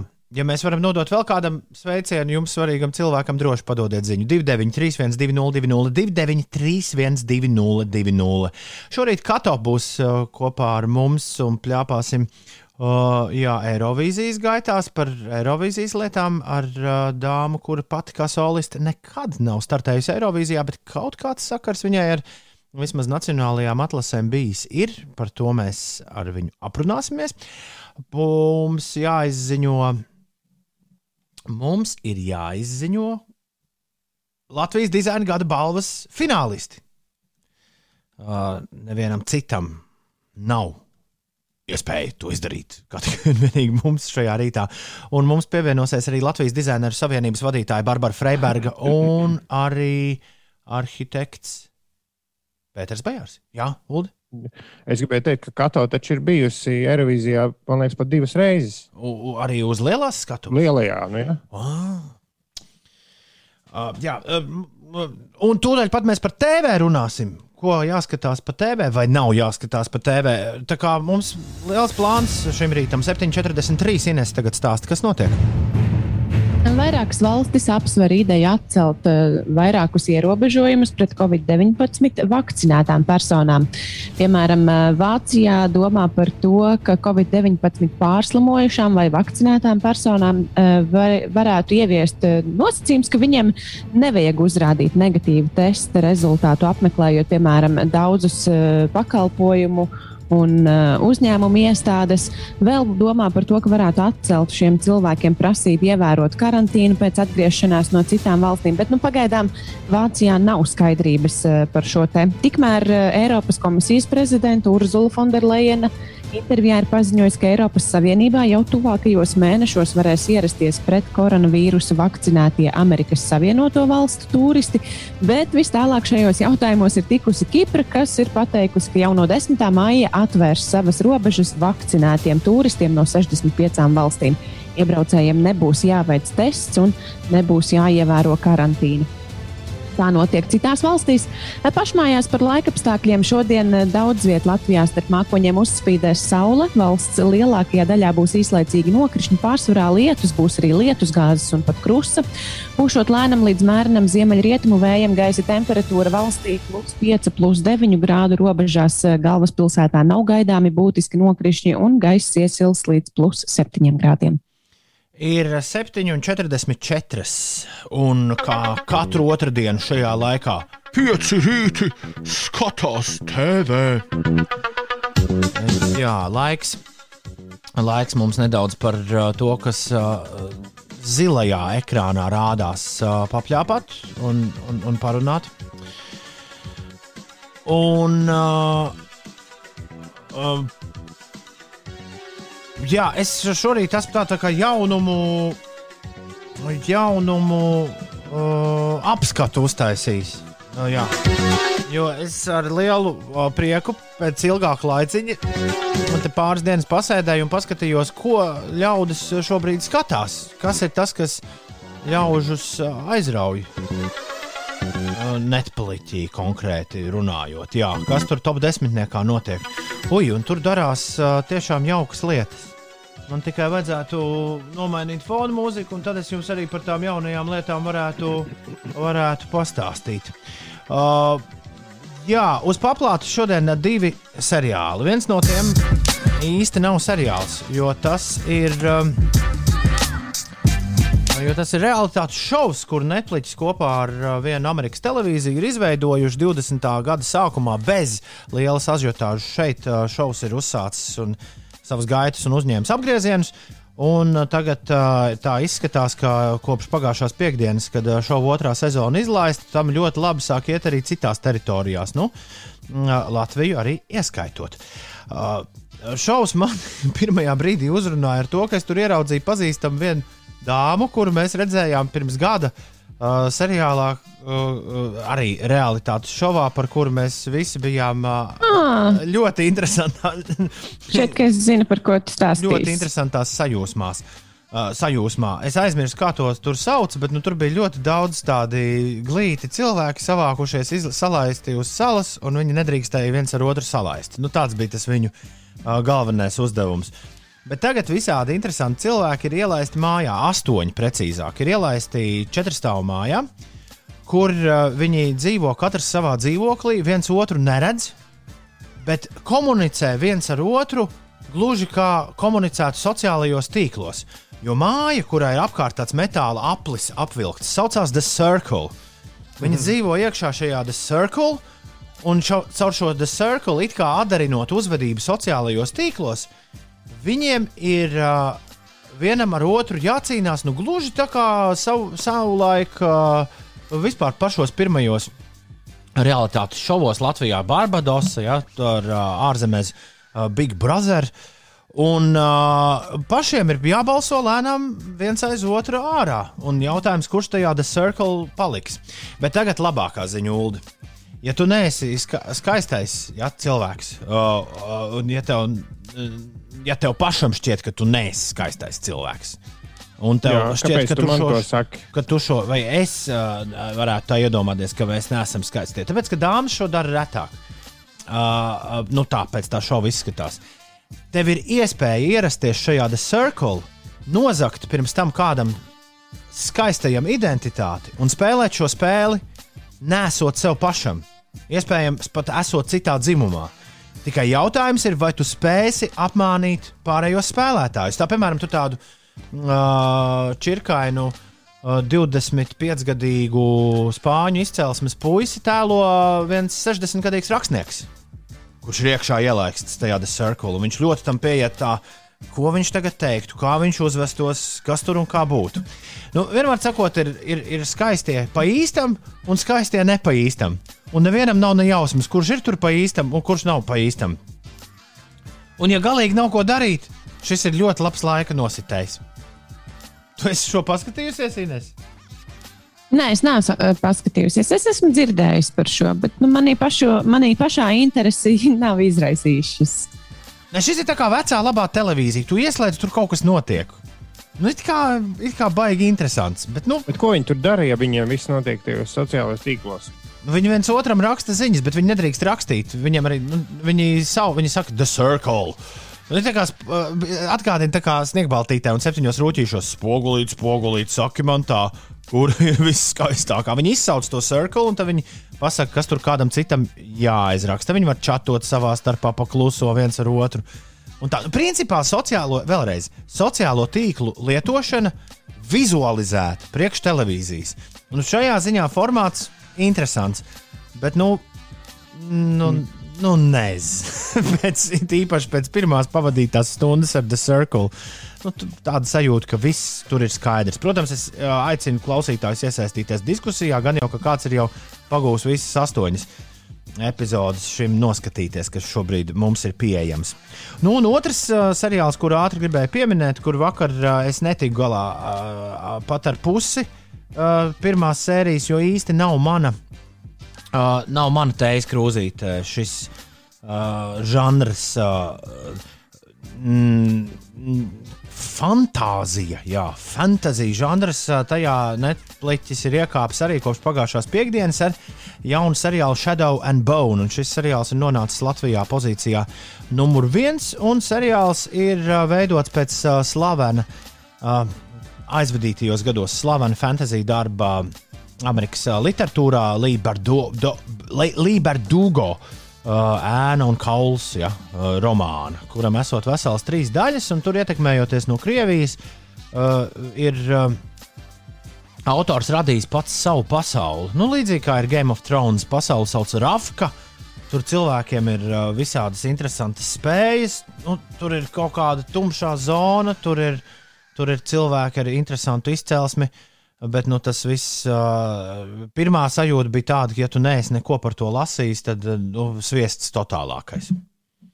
Bet, uh, ja reiz ir pirmā vieta Latvijā, tad es pieļauju, ka citi, citi ir skatījušies uh, nedaudz vairāk. Un runājot par Netflix oriģinālu šoviem, man bieži kā acīs duras mazbudžets. Uh, Es nesaprotu, pandēmijas laikā īpaši taisot jaunu seriālu, ir nu, grūti tur, teiksim, masu skatus tādus pamatīgus uztaisīt.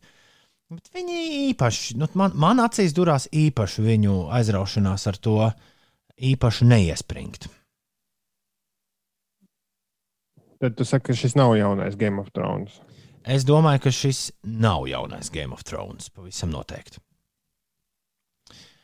Bet eh, ļoti iespējams, es kļūdos. Tālāk, 5 rīta skatās TV. The Circle ir ļoti jokains un muļķīgs šovs, bet visu noskatījos un diezgan ļoti patika. Sauk, raksta Niks. Savukārt, Ājāna noskatījās visas pieejamās Shadows and Bones sērijas. Sākums super, uz beigām jau nedaudz pliekani, bet ar pēdējiem kadriem astotajā sērijā spriedze tiek uzkurināta. Tom, kā jūties pēc Covid, prasīja Ieva. Paldies, Ieva! Ļoti labi! Labrīt. Ko lūdzu? Nu, kā dzirdi? Labrīt, vai varat apsveikt manu meitiņu Mariju piecu gadu dzimšanas dienā, prasa Artūrs. Bet, protams, ka mēs varam apsveikt Mariju dzimšanas dienā. Un mēs arī Grīķi no Smiltenes varam apsveikt. Un, uh, un, un ikvienu, kuram ir nepieciešams kāds apsveikums, mēs varam šajā rītā apsveikt. Sveiciens jums no visas sirds, un lai otra diena pavisam, pavisam feina un izdevusies.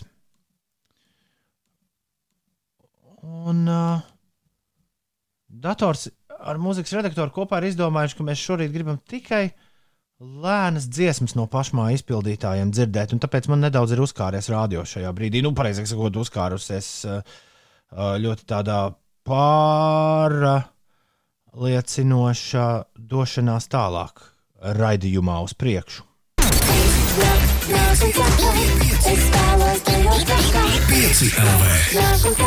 Uzgriez un ir Labrīt! Ir 5 pār 8, un mums ir pievienojusies Kato! Labrīt! Labrīt! Kato! Labrīt, labrīt! Uldis, gatavojoties šodienai, atrada jautru un interesantu faktu par tevi, ko tu nereiz mums nebija pastāstījusi. Un es pilnīgi jūtos, ka mūsu draudzībā kaut kas līdz šim nav bijis. Kaut kas līdz šim nav bijis kārtībā. Tikai nesaki, ka tur tagad tā, tajā domā ir formas darbs iesaistīts. Mm, Manā domā, formas, tavā domā ir pie, iesaistīts formas tērps, ja tu viņu uh, piemini. Bet tu esi mācījusies Rīgas pirmajā medicīnas koledžā, un tu gribēji kļūt par māsiņu, par doktorīti. Iedomājies, kas tev būtu pa uh, darba lauku šobrīd, ja tas tā būtu noticis. Nu, es esmu ne tikai mācījusies um, par, īstenībā es mācījos par ārsta palīgu, nevis par māsiņu. Labi. Precizējums, bet es esmu strādājusi arī operāciju zālē. Kādus pāris mēnešus, un uh, jā, es strādāju uh, plastisko operāciju, un uh, jā, operāciju Daudz naudas. Palīg... Tu, tu biji palīdze, vai ne? Uh, Es biju asistents. Mā, māsiņu palīdze. Tā bija tāda man tā kā prakses vieta. Uh, jā, bet uh, nu, viss kaut kas ir darīts, jā, un viss kaut kas ir piedzīvots. Tie bija rīktīgi labi laiki. Es, es esmu laimīga par to, ka man bija tāda iespēja. Bet uz skatuves foršāk. Nu, tas, ir, tas ir sirdī redz, tāds aicinājums, kuros uh, es viņu nevarēju apslāpēt, saproti. Jo tā mūzika bija tā, kas man aizvilka prom no tās uh, medicīnas. Un es, es domāju, ja, ja es nebūtu mūziķis, tad es būtu medicīnā. Jo man visu laiku tur velk tāpatās. Nē, nē, es gribu vienkārši kādu stulbu joku pateikt par to, ka labāk dziedāt sirdī nekā tur tuvoties sirdī ar skalpeli. Jā, jā, jā. Dāmas un kungi, tas mirklis tuvojas. Un tas mirklis, un tā mirkļa tuvums ir arī iemesls, kāpēc mēs šorīt esam pamodinājuši kato bišķi agrāk, likuši tev kāpt ārā no gultas un kustēties šādos ritmos, jo Eirovīzijas dziesmu konkurss ir tepat aiz stūra. Un smējies vai raudi, tev ar Eirovīziju ir daudz lielāks sakars, kā jebkuram netīšām garām gājējiem varētu šķist. Lieta. Tu tieši tāpat kā.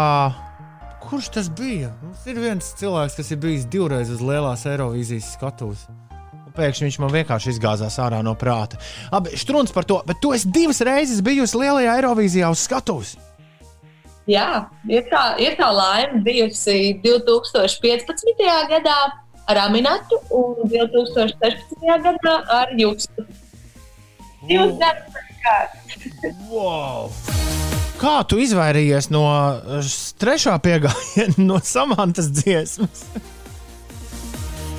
Nu, tas, Labi, labi, šī, labi, labi liekas, ka Kato ir retor- vainīga. Šis bija, Jā. šis bija re retorisks Kato. Kato, ir, eh, Kato ir pie vainas. Jā.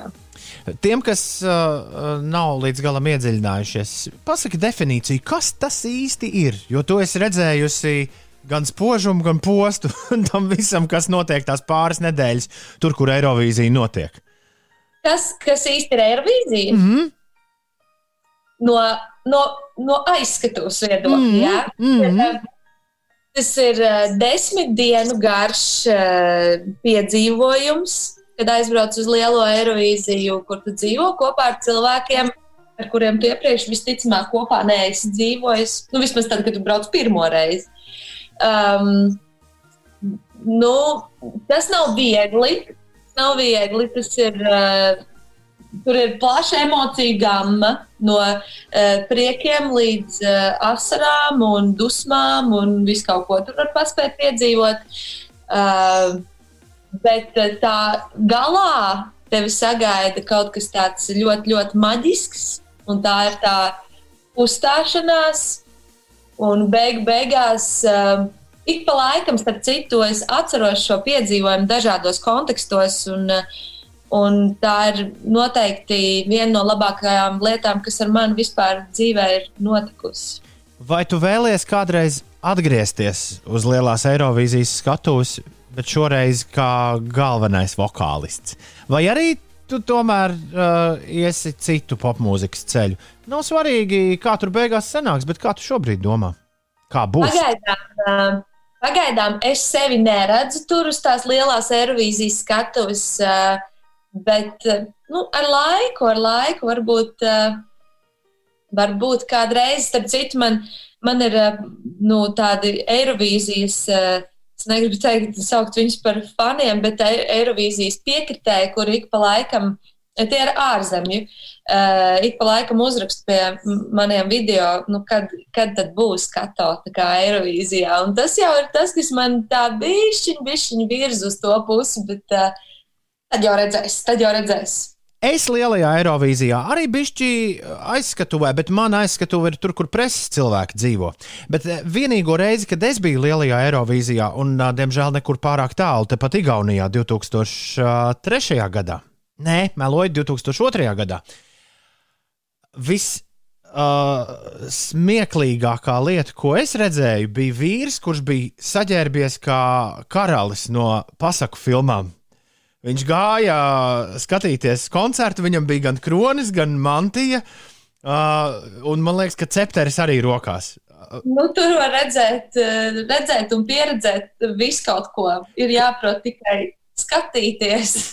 Kas ir vissmieklīgākais, ko tu esi redzējis? Tam nav jābūt obligāts cilvēkam. Vai tev nāk uzreiz kaut kas prātā, ja es tev tā jautāju no saviem Eirovīzijas piedzīvojumiem, ka pēkšņi tu kaut ko ieraugi? tas- Kas? Ko lūdzu?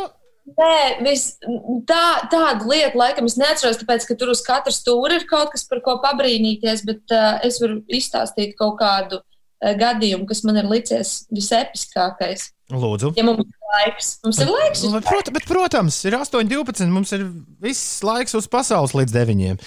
Labi, klau. Tas bija Stokholmā, uh, otrajā reizē, kad mēs bijām ar Justu. Un, uh, es eh, nolēmu, ka man vajadzētu pavadīt laiku mazliet vienai pašai, jo, jo bija jau kāds laiciņš kopā ar tiem cilvēkiem padzīvots. un Tad, nu, tad ir sajūta, ka vajag mazliet, mazliet pabūt vienam. Un mums bija iedots uh, bezmaksas internets jā, Stokholmā. Un, uh, Uh, Un, jā, jā, jā, un, es, eh, un man ļoti patīk second-hand veikali. Nu, tā kā ļoti man patīk tur iet un skatīties un čubināties. Un tā. Ko es daru? Es sameklēju Stokholmā visus uh, iespējamos second-hand veikalus, kas ir pa ceļam uz, uz to arēnu. Es salieku viņus Google mapā, jā, jo man taču ir internets. Un es dodos, nezinādam īsti, cik tā arēna ir tālu. Nu, nu, apmēram nojausdam, bet nu, tā vēlme palikt vienai pašai lielāka par, nu, par jebko. Pārējie visi brauc ar autobusu. Es eju pa tiem second-hand veikaliem. Protams, es neko nenopirku. Vai kaut kādu roku krēmu, vai kaut ko tādu. Nu, Kaut ko ļoti mazu un tādu neiedzīgu, bet uh, man ārkārtīgi patika. Es gāju, es nesapratu, man bija, man bija jāiet pāri kaut kādam tiltam, kur vispār uh, nebija gājēji celiņa. Uh, bet es gāju, un uh, mans mērķis bija kaut kādā konkrētā laikā nonākt tajā arēnā. Un es tagad pēdējā brīdī ieskrienu tajā arēnā, kur šausmīgi liela. Un tur tādas mazas mašīnītes, un, uh, un tās mašīnītes vadā tevi uz to tavu spotu, ja, kur tev jānonāk. Un es tagad skrienu, un, un priekšā man ir uh, Kirkorovs ar savu komandu. Es domāju, tā, vāc, nu, tagad es taču netikšu tajā mašīnā, man būs jāiet ar kājām. Nu, tā kā vēl tas laika patēriņš. Bet nē, viņš man saka, nāc, sēdies. viņš Nāc, teica sēdies. angliski vai krieviski? Uh, man liekas, ka, jo godīgi es neatceros, bet es sapratu, tad varbūt kā angliski. Un viņš saka, nāc, man sēdies blakus, un mēs tev aizvedīsim. Neko es baigi lepnā, iesēžos blakus Kirkoro un braucu uz, uh, uz savu, savu telpu. Ceļam vēl, protams, tur selfijas un tā. Es redzu, tev prestīžu paziņas, prestīžu paziņas tev kā to arī ir. Un Tas bija rīktīgi forši. Un šādi mirkļi, man liekas, tur ir ļoti, ļoti daudz, un tāpēc vienmēr ir uh, vērts uz turieni doties, gribēt uz turieni doties. Man ir jautājums, tu biji divās, divās pēc kārtas, vai ne? Jā. Eirovīzijās. Vai ir, ir kaut kāda, bija iespēja salīdzināt ar diezgan svarīgiem iespējām. Ir tā, ka katrā vietā viss ir pilnīgi citādāk, vai viņi tomēr visu to aizskatuves organizēšanu taisa apmēram nu, sadzīvi un tā, plus mīnus vienādi. Es laikam teiktu, ka plus mīnus vienādi. Plus Nu, tāds šablons, pēc kura jā, jādarbojas, jo savādāk Nu, tik lielu pasākumu grūtāk uztaisīt. Uh, Jā, jā, jā. mm, arēna, par kuru Kato stāstīja, ir leģendārā Stokholmas Globen arēna. Un man šķiet, ka Ines, eh, tavs piedzīvojums ar balodīti liftā reizi. tomēr O, ir. kā tu atceries? Tomēr ir uh, epi, episkuma ziņā varbūt pat pārspēja uh, Kirkoro, bet to mums vēl ir kaut kad uh, jā, jānosver. Bet, uh, jā, es arī divreiz esmu bijusi šajā arēnā. Vienreiz uz Florence and the Machine koncertu, otrreiz uz Mumford and Sons Un koncertu. trešo reizi Ines izdomāja ar liftu uzbraukt tajā arēnā augšā. Tur ir tāda Tāda- bumba. jā, ar Tāda, jā, kā tenisa bumbiņa brauc apkārtē lielajai Un bumbai. tur, kāds, Jā. un tur kāds sabojāja gaisu šī brauciena laikā. Jā. Okay. Okay. Tās ir vienkārši pirmās asociācijas, kas nāk prātā ar Globenu. Nopietni to. Es esmu, es esmu tur bijis, un man liekas, tikai div, iedo- iedomājieties to lielo arēnu, 2000 cilvēku. Uh, jā, vairāk tur nebija. Tikai 2000 cilvēku kompānijā Radiohead redzējis pirms miljonus gadiem. Bet, uh, bet labi. Liekam, Globena arēna malā ir vēl daži jautājumi, kurus es tev vēlos kā tev pajautāt par Eirovīziju. Bet mums ir jāuzliek arī tava dziesma, savādāk nav godīgi. Mēs tev te izsaucam uz interviju un neskan tavu mūziku. Lai skan naktstauriņš, tavs svaigākais singls ir 8,17. Labrīt!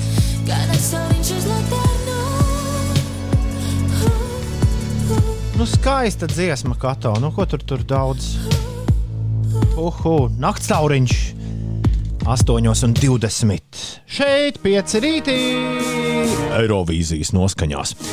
Nu, viens ir skaidrs, ka pēc šī pirms Eirovīzijas mēneša ulu mēs kļūsim bišķi gudrāki par Eirovīzijas lietām, jo es ticu, ka mēs visai drīz noskaidrosim, vai nav vēl kāds trešais, kas ir divas reizes bijis finālā uz lielās Eirovīzijas skatuves.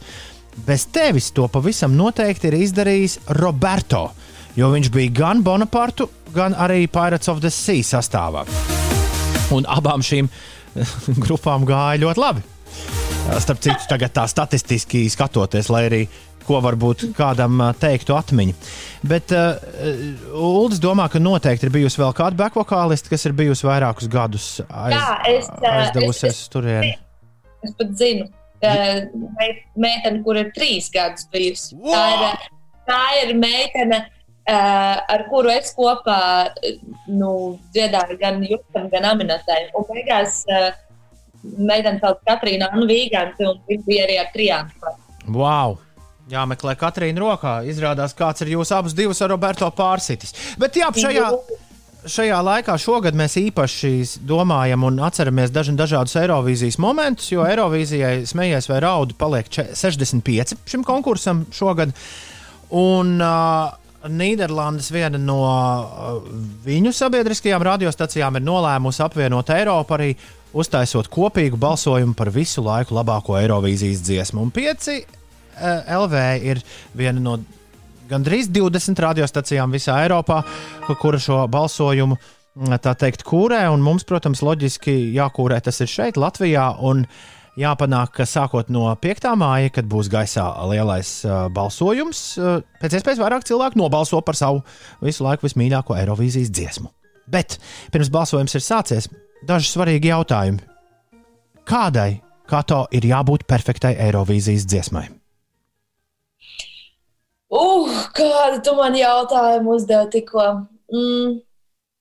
Man liekas, ka perfektā aerovīzijas dziesma ir tāda, kura māksliniekam pašam patīk. Nu, tā, ka tiešām no sirds patīk. Nevis, ka viņš aizbrauc vienkārši tur izrādīt savu tur, visu, kas viņam tur ir. Un, un uh, Eirovīzijas dziesmai nav, manuprāt, jābūt skaļai. Viņa var būt, viņa var būt jebkāda, un īstenībā arī uh, Eirovīzijas formāts jau, nu, viņš jau pieļauj tai dziesmai būt jebkādai. Un uh, man liekas, ka tas ir tas, māksliniekam pašam ļoti, ļoti ir jāpatīk savai dziesmai. Nu, labi. Viņš tēlo, ka viņam patīk. Nu, labi, bet kādas balss īpašniekam ir jādzied tā dziesma? Nu, tur tak nevar dziedāt katrs. Es, es droši vien diezgan izgāstos. Stulbs stulbs piemērs. Var mēģināt. Um, kādas balss īpašniekam? Nu, grūti atbildēt uz tādu jautājumu. Nu, tur taču ir bijis viss kaut kas. Tur bija viss kaut kas. Man liekas, ka nu, nu, tur nav jābūt super lielai balsī. Tur, tur jābūt kaut kam ar knifiņu. Man liekas, tā balss pat uh, varbūt ir otršķirīga, bet tas, kā tu to dziesmu tur tā iznes, kā tu viņu līdz klausītāju sirdīm aiznes. Tērpam un šovam arī nav nozīme. Nu, tūlīt man jautās par uh, manu mīļāko Eirovīzijas dziesmu, uh, un, un tur pierādīsies, ka šovs droši vien, ne, nu, nu, šovam ir jābūt, bet tas nenozīmē, ka tur visu laiku ir kādam jākritās aizmugurē vai kaut kas jādedzina. Un izrādās, Eirovīzijā var dziedāt arī ne angļu valodā, vai ne? Var gan, jā. Tad mēs esam ļoti labi nonākuši līdz dziesmai, kur tu izvēlējies kā savu visu laiku vismīļāko Eirovīzijas dziesmu. Un, tev jāapsol mums, ka pēc uh, 5. māja tu arī aiziesi uz mājaslapu, kuras adreses tev vēl pagaidām neteikšu, un nobalsos par šo dziesmu. Obligāti. Kas, kas tas ir, ko mēs tagad klausīsimies? Mēs klausīsimies 2017. gada Portugāles dziesmu, uh, kur uh, Salvadors Sobrals. Jā, tieši tā. -hmm. Es, es atturēšos šo dziesmas nosaukumu teikt, jo man liekas, ka nu, varētu samisēties, bet uh, gan jau jūs to izdarīsiet labāk par mani. Bet jā, tas, kas man šajā dziesmā uzrunā visvairāk, ir tas, ka ar super, super minimāliem līdzekļiem viņš bija tik lielisks. Tur bija, tur bija skaistas gaismas un, un visa tā atmosfēra, ko viņš radīja. Un, un viņš nebļāva, tur nekas nesprāga, tur nekas tāds nenotika, bet viņš to izdarīja tik maigi un sirsnīgi, nu, ka tur jau viss skaidrs. Un skaidrs arī, par ko ir dziesma. Nu, tā. Nu, ko tu tur liec mums? Es esmu iemācījies izrunāt pareizi. Man tikai balss mazliet aiz, aizkrakšķinājusies. Nu, nu, kāds... Amar pelos dois. Amar pelos dois. Man vairāk likās, ka tur ir burti tādai latviešu ausī, tad, kad viņi paši saka, ka tur bija vairāk kā marpelošs došs, bet nu labi. Uh, lai, kā tur, lai kā tur būtu, cerams, neviens neliks mums klausīties, kā Portugāles radiostacijā kāds latviešu runā. Klau! Milzīgs, milzīgs tev paldies, ka šorīt bija kopā ar mums. Milzīgs jums paldies, ka jūs uh, likāt man atcerēties Eirovīziju. Man patīk. Es atceros, ka Salvadors Sobrālis ietrāpīja tā ļoti veiksmīgi ar savu dziesmu laikā, kad kino lenta Lala Land griezās. Uh, arī, šis, nu, arī šo sagadīšanos nu, negribas gribas piesaukt, domājot un to, to visu atceroties, kas ir viena no Ines mīļākajām pēdiņās kinofilmām. Un, un, un uh, jā, lai šodien skan Amāra Pelors, Džošs, Salvadors Sobrāls, Kato, lai tev forša diena, un paldies, ka mums pieslēdzies. Atā! Jums ir tā! Čau, čau! Atā! Čau!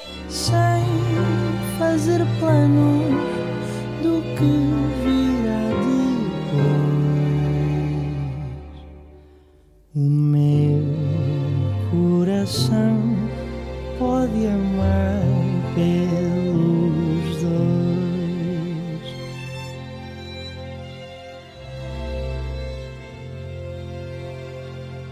Salvadors Sobrāls, Amāra Pelosdošs, jeb kaut kā tā. Paldies, Kato! Kā atgādināja mums šo dziesmu.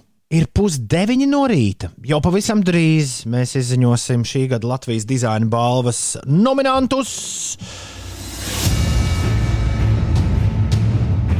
Laureātus, nē, nominantus. Jā. Uh, Bet vispirms, dāmas un kungi, Inese stāsta, kas notiek.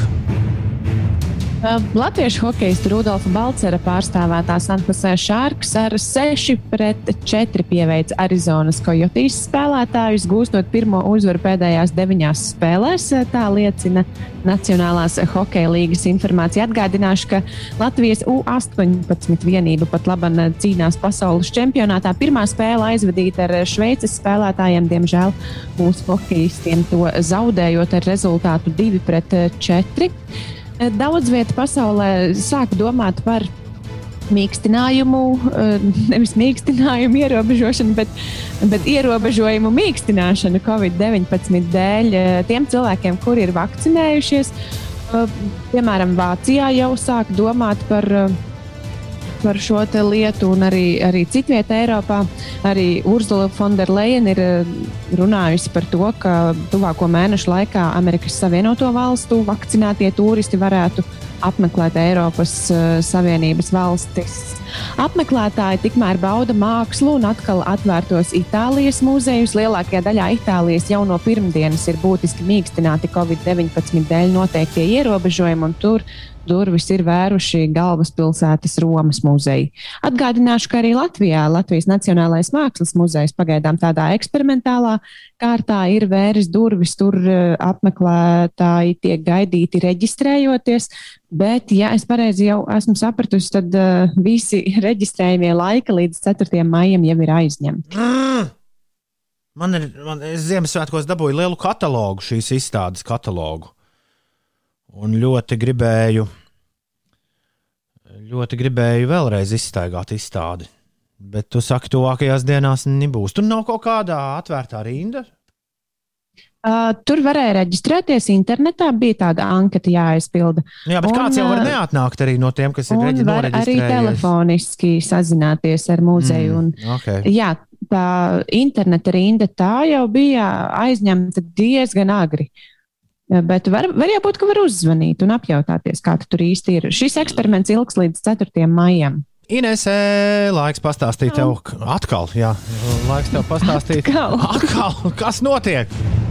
Cik var, bet uh, labi, pastāstīšu par laikapstākļiem. Eh, Šodien daudz vietā Latvijā starp mākoņiem uzspīdēs saule. Valsts lielākajā daļā būs īslaicīgi nokrišņi, pārsvarā lietus, vietām arī lietus gāzes un krūsts sapūšot. Lēnam līdz mērenam ziemeļrietumu vējam gaisa temperatūra pakāpsies līdz plus 5, plus 9 grādu atzīmē. Galvaspilsētā nav gaidāmi būtiski nokrišņi un gaisa temperatūra šeit paaugstināsies līdz plus 7 grādiem. Mazliet par ārzemēm. Zinātnieki plasmasas mikrodaļiņas ir atraduši pat Islandes ledājos. Pētījumu vienā no salām veica Reikjavīkas Universitātes zinātnieki sadarbībā ar Zviedrijas kolēģiem un sarunā ar medijiem. Pētnieki norādīja, ka plasmasas piesārņojuma pēdas Islandē jau iepriekš tikušas konstatētas, taču nu ir gūts apliecinājums to klātbūtnei lielākajā valsts ledājā. Daļiņu koncentrācija un ietekme uz vidi vēl jāpēta, taču ir skaidrs, ka tāpat labi ir globāla problēma. Un jau iepriekš šāds piesārņojums tika konstatēts arī citos grūti sasniedzamos rajonos visā pasaulē, piemēram, Alpu kalnos. Pētnieki pieļauj iespēju, ka plasmasas daļiņas ledājos un kalnos nonāk no jūras ar nokrišņu palīdzību. Un uh, vēsts no pašmājām tūdaļ piecēlvē ēterā tiks izziņota Latvijas dizaina gada balva 2021. Uh, jā, nominanti šīs balvas. Jej! Un tieši tāpēc mums ir pievienojušies divi ļoti svarīgi cilvēki. Latvijas dizaina gada balvas projekta vadītāja Barbara Freiberga. Labrīt, Barbara! Labrīt, labrīt! Un arhitekts Pēters Bajārs. Pēter, es sveikts šķiet pirmo reizi mūsu mazajā rīta pasaulē. Mm, Domāju, ka ne pirmo, bet pieņemsim. Labrīt! Jā, at, atmiņa mēdz spēlēt jā, jokus. Nu, it īpaši, ja pulkstenis rāda 8,42 vai pat iepriekš 6,42 vai 7,42, bet ne par to. Latvijas dizaina gada balva pēc gada pārtraukuma atkal ir klāt, vai pat divu gadu pārtraukumu. Nu, jau tas man, Barbara. Ne tikai gada, gada, gada pārtraukuma. Fuh, fuh, Barbara, ļoti labi. Kas mums kas ir jāzina cilvēkiem par šo, kuri pirmo reizi dzīvē ir izdzirdējuši, ka notiek šāda balva? Kāpēc tā ir svarīga? Un kad mēs uzzināsim, šodien mēs uzzināsim nominantus, bet kad mēs uzzināsim, kas tad šīs balvas, šo balvu saņems? Es saprotu, ka šogad balvas būs vairākas. Jā, šogad balvas būs vairākas. Bet kas tad ir jāzina tiem, kas pirmo reizi dzird? Nu, pirmo reizi dzirdot, ir jāzina tas, ka Latvijas dizaina gada balva ir nacionāls dizaina nozars konkurss, kas tiek rīkots ar mērķi apzināti izvērtēt un popularizēt Latvijas dizaineru izcilākos sniegumus. Un uh, to ir inicējusi Latvijas kultūras ministrija, un šogad to rīko Latvijas dizaineru savienība. Un, uh, tātad, jā, šogad tagad, uh, tiek izziņoti nominanti. Un, uh, pats, pats galvenais notikums, ko mēs, ko mēs dabīgi beigās gaidām, un, un viss, teksim, kur mēs zināsim uh, visu uh, kategoriju pirmās vietas, un lielās balvas ieguvēji notiks uh, 28. maijā šogad. Pēteri, tev bija kā žūrijas dalībniekam. Tas ir arī iemesls, kāpēc šodien uh, tu esi mums pievienojies. Uh, Tev bija jāizvērtē visi iesniegtie darbi, tādu bija nemazums. Uh, Kādi ir secinājumi? Pirmie.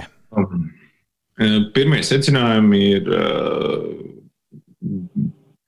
savā ziņā nomierinoši arī reizēm, kad uh, ieraugu pirmo sarakstu ar arhitektūras gada balvas kaut kādiem nominantiem, tad tev gribās katru otro pasvītrot laukā. Man liekas, ka nu, citur ir daudz labāk, bet arī dizaina balvā ir diezgan daudz sēnāls, kuras bija jāsijā, un mēs gājām cauri 150 darbiem, un tas ir pamatīgi, pamatīgi uh, ņemšanās katram atrast argumentāciju un izprast, kas ir uh, mudinājis autors. Un, um, jā, un, un, un sajūtas ir divējādas. Ir vienkārši ir kolosāli darbi, par kuriem ir mega prieks.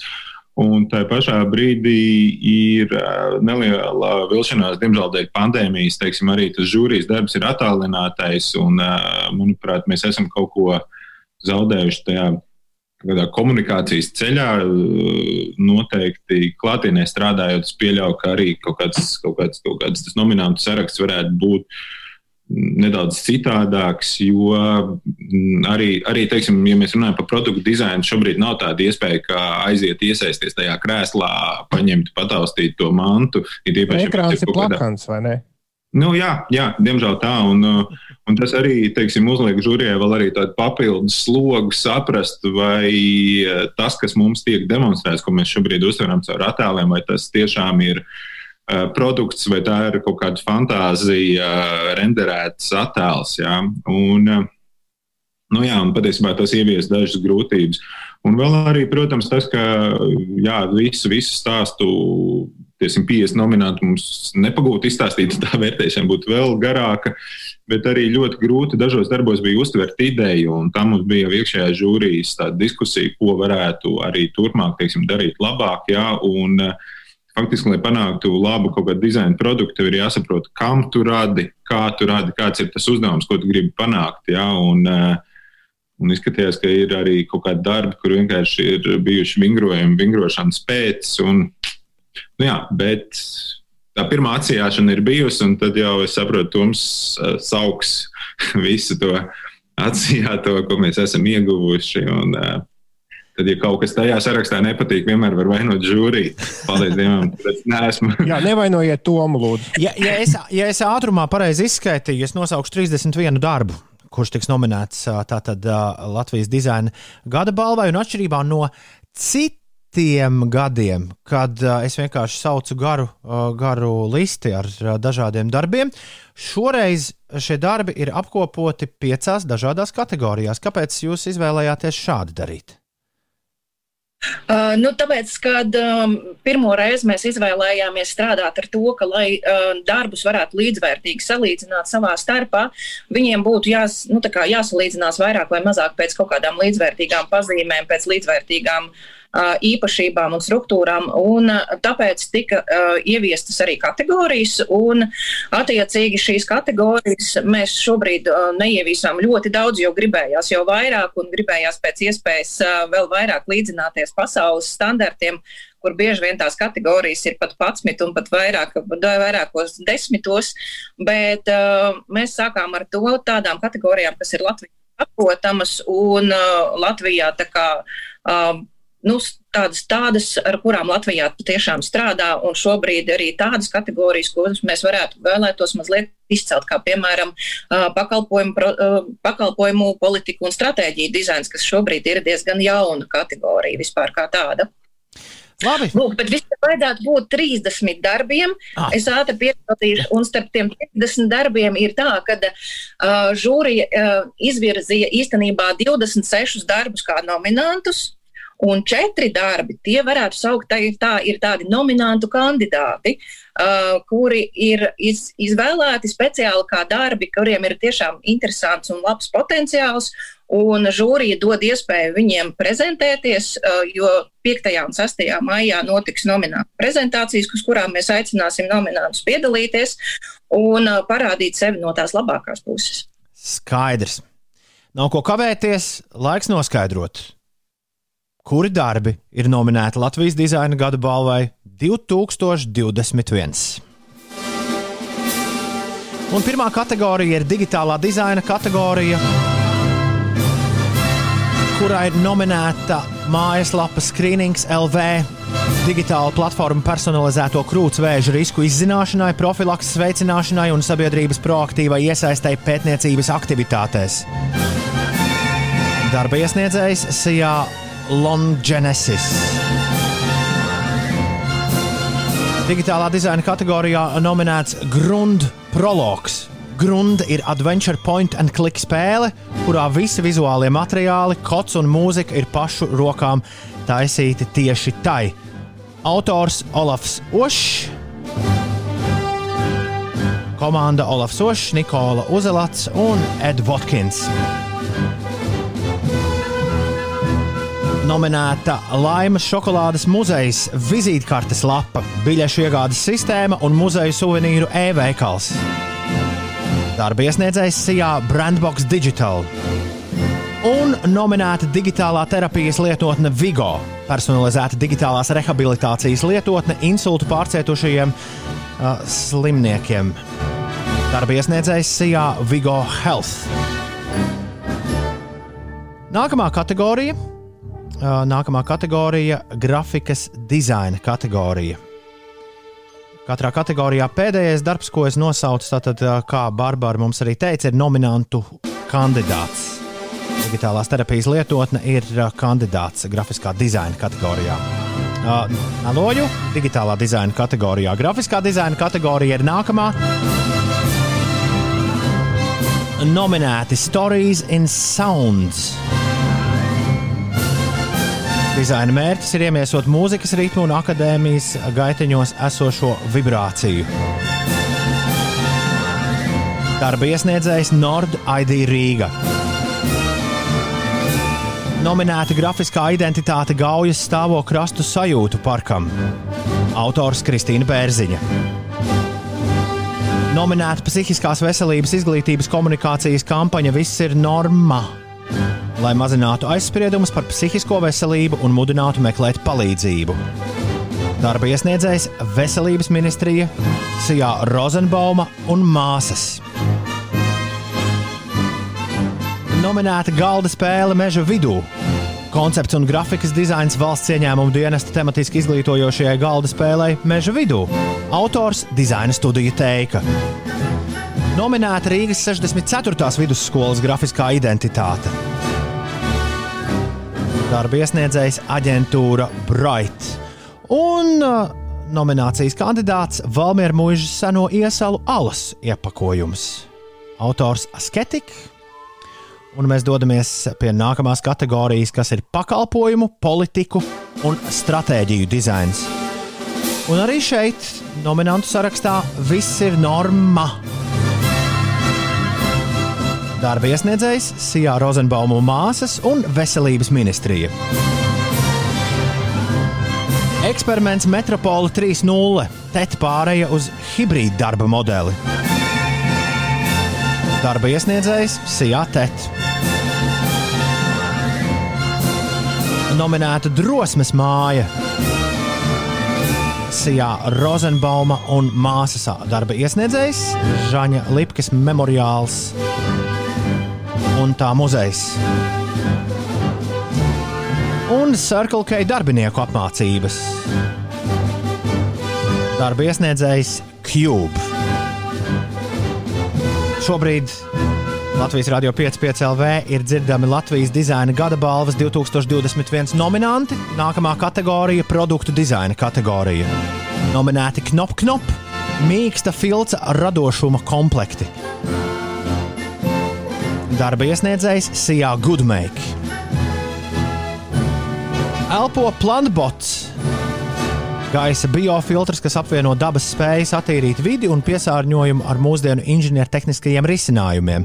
Autors Elpo. Happy Moon transformējumās trepītes bērniem. Darba iesniedzējs Happy Moon. Saules šūna. Privāta telpa pilsētvidē, kas nodrošina saules gaismu. Autors Dāvids Gruznovs. Čopī bērnu koka līdzsvaru ritenītis. Iespējams, vieglākais ritenītis pasaulē. Autors darbu iesniedzējs Sijā Stum. Corner Sky stūra plauktiņš ar vairākām funkcijām. Darba iesniedzējs RK Alloy un MB kolekcija. Mint Light Living MB kolekcija. Mint Furniture ir tās autors. Un uh, nominācijas kandidāts That Day mēneša reižu apakšveļa. Iesniedzējs Sijā That Day. Un noslēdzošā kategorija - vides un interjera dizaina kategorija. Nominēta Ghost Train, stācijas peronā, kafejnīca, kas izskatās kā vilciens. Iesniedzējs sudraba arhitektūra. Nominēta papildinātās realitātes ekspozīcija Jaunauces pilī. Autors Elīna Leiba Lipsne. Nominēts Pinumu paviljons. Sijā DJA ir darba iesniedzējs. Neredzamā biblioteka. Latvijas Nacionālās bibliotekas izstāde. Latvijas Nacionālā biblioteka arī darba iesniedzējs. Izstāde grāmatu plūdi Ziemeļi satiek Baltiju bērnu grāmatās. Autors ā, iesniedzējs Ziemeļvalstu ministru padomas birojas. Multimediālā ekspozīcija Rubenes evaņģēliskā luteriskajā baznīcā. Iesniedzējs DD studio Saules šūna. Arī šeit nominēta Saules šūna privāta telpa pilsētvidē, kas nodrošina saules gaismu. Autors Dārvids Gruznovs. Un visbeidzot, nominantu kandidāts šajā kategorijā - pilsētvidas kopienas dārzs Auds. Autors Nora Gavare. Un tāda lūk ir nominante šī gada Latvijas dizaina gada balvai. Pēter, vai ir kas piebilstams? Oh, Pat īsti nezinu, ko piebilst. Nē, nu, es uh, vienkārši ļoti, ļoti gaidu šobrīd, uh, kad nominanti varēs, kā saka, klātienē žūrijai prezentēt savus idejas. Noteikti, ka būs virkne jautājumu, un nu, tad, tad cerams, spraigās žūrijas diskusijās mēs nonāksim līdz tiem pašiem, pašiem labākajiem. Viss tikai, viss tikai tagad sākās. Esam izziņojuši nominantus, lai uzvarētu labākie. To arī, protams, kā alaži novēlam. Un Latvijas dizaina gada balvas ieguvēji būs zināmi 28. maijā, īpašā ceremonijā, kur noteikti varēs, ja nevērot klātienē, tad pavisam noteikti vērot ā, tiešsaistē. Vai ne, Barbara? Pilnīgi precīzi. Es ļoti ceru, ka mēs varēsim to darīt vismaz daļējā klātienē. Tomēr, ja nu kas, tad tomēr tiekamies tiešsaistē vismaz. Šorīt ar mums kopā Latvijas dizaina gada balvas projektu vadītāja Barbara Freiberga, kā arī arhitekts un uh, Latvijas dizaina gada balvas žūrijas pārstāvis Pēters Bajārs. Pēter un Barbara, lai forši dienu, un paldies, ka mums pievienojāties, un paldies, ka ļāvāt mums šīs svarīgās ziņas nodot pasaulē pirmajiem. Paldies, Tom, tev arī! Atā, čau! Atā. Atā.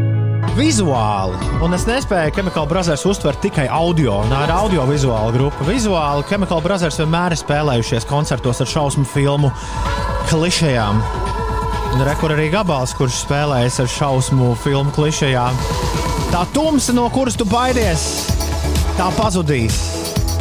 Un beigās, beigās viss jau būs labi. Mēs esam sasnieguši uzvarošās beigas šī rīta raidījumā. Paldies par klausīšanos! Ulu un Ines, paldies par sadarbību. Šie bija Chemical Brothers, viņu jaunais singls Darkness Taču Fear. Jā. Ir precīzi 9 no rīta, un mums ir pienācis laiks. Pirms tiekamies atkal rīt, visiem teikt visu labu! Atā! Tā!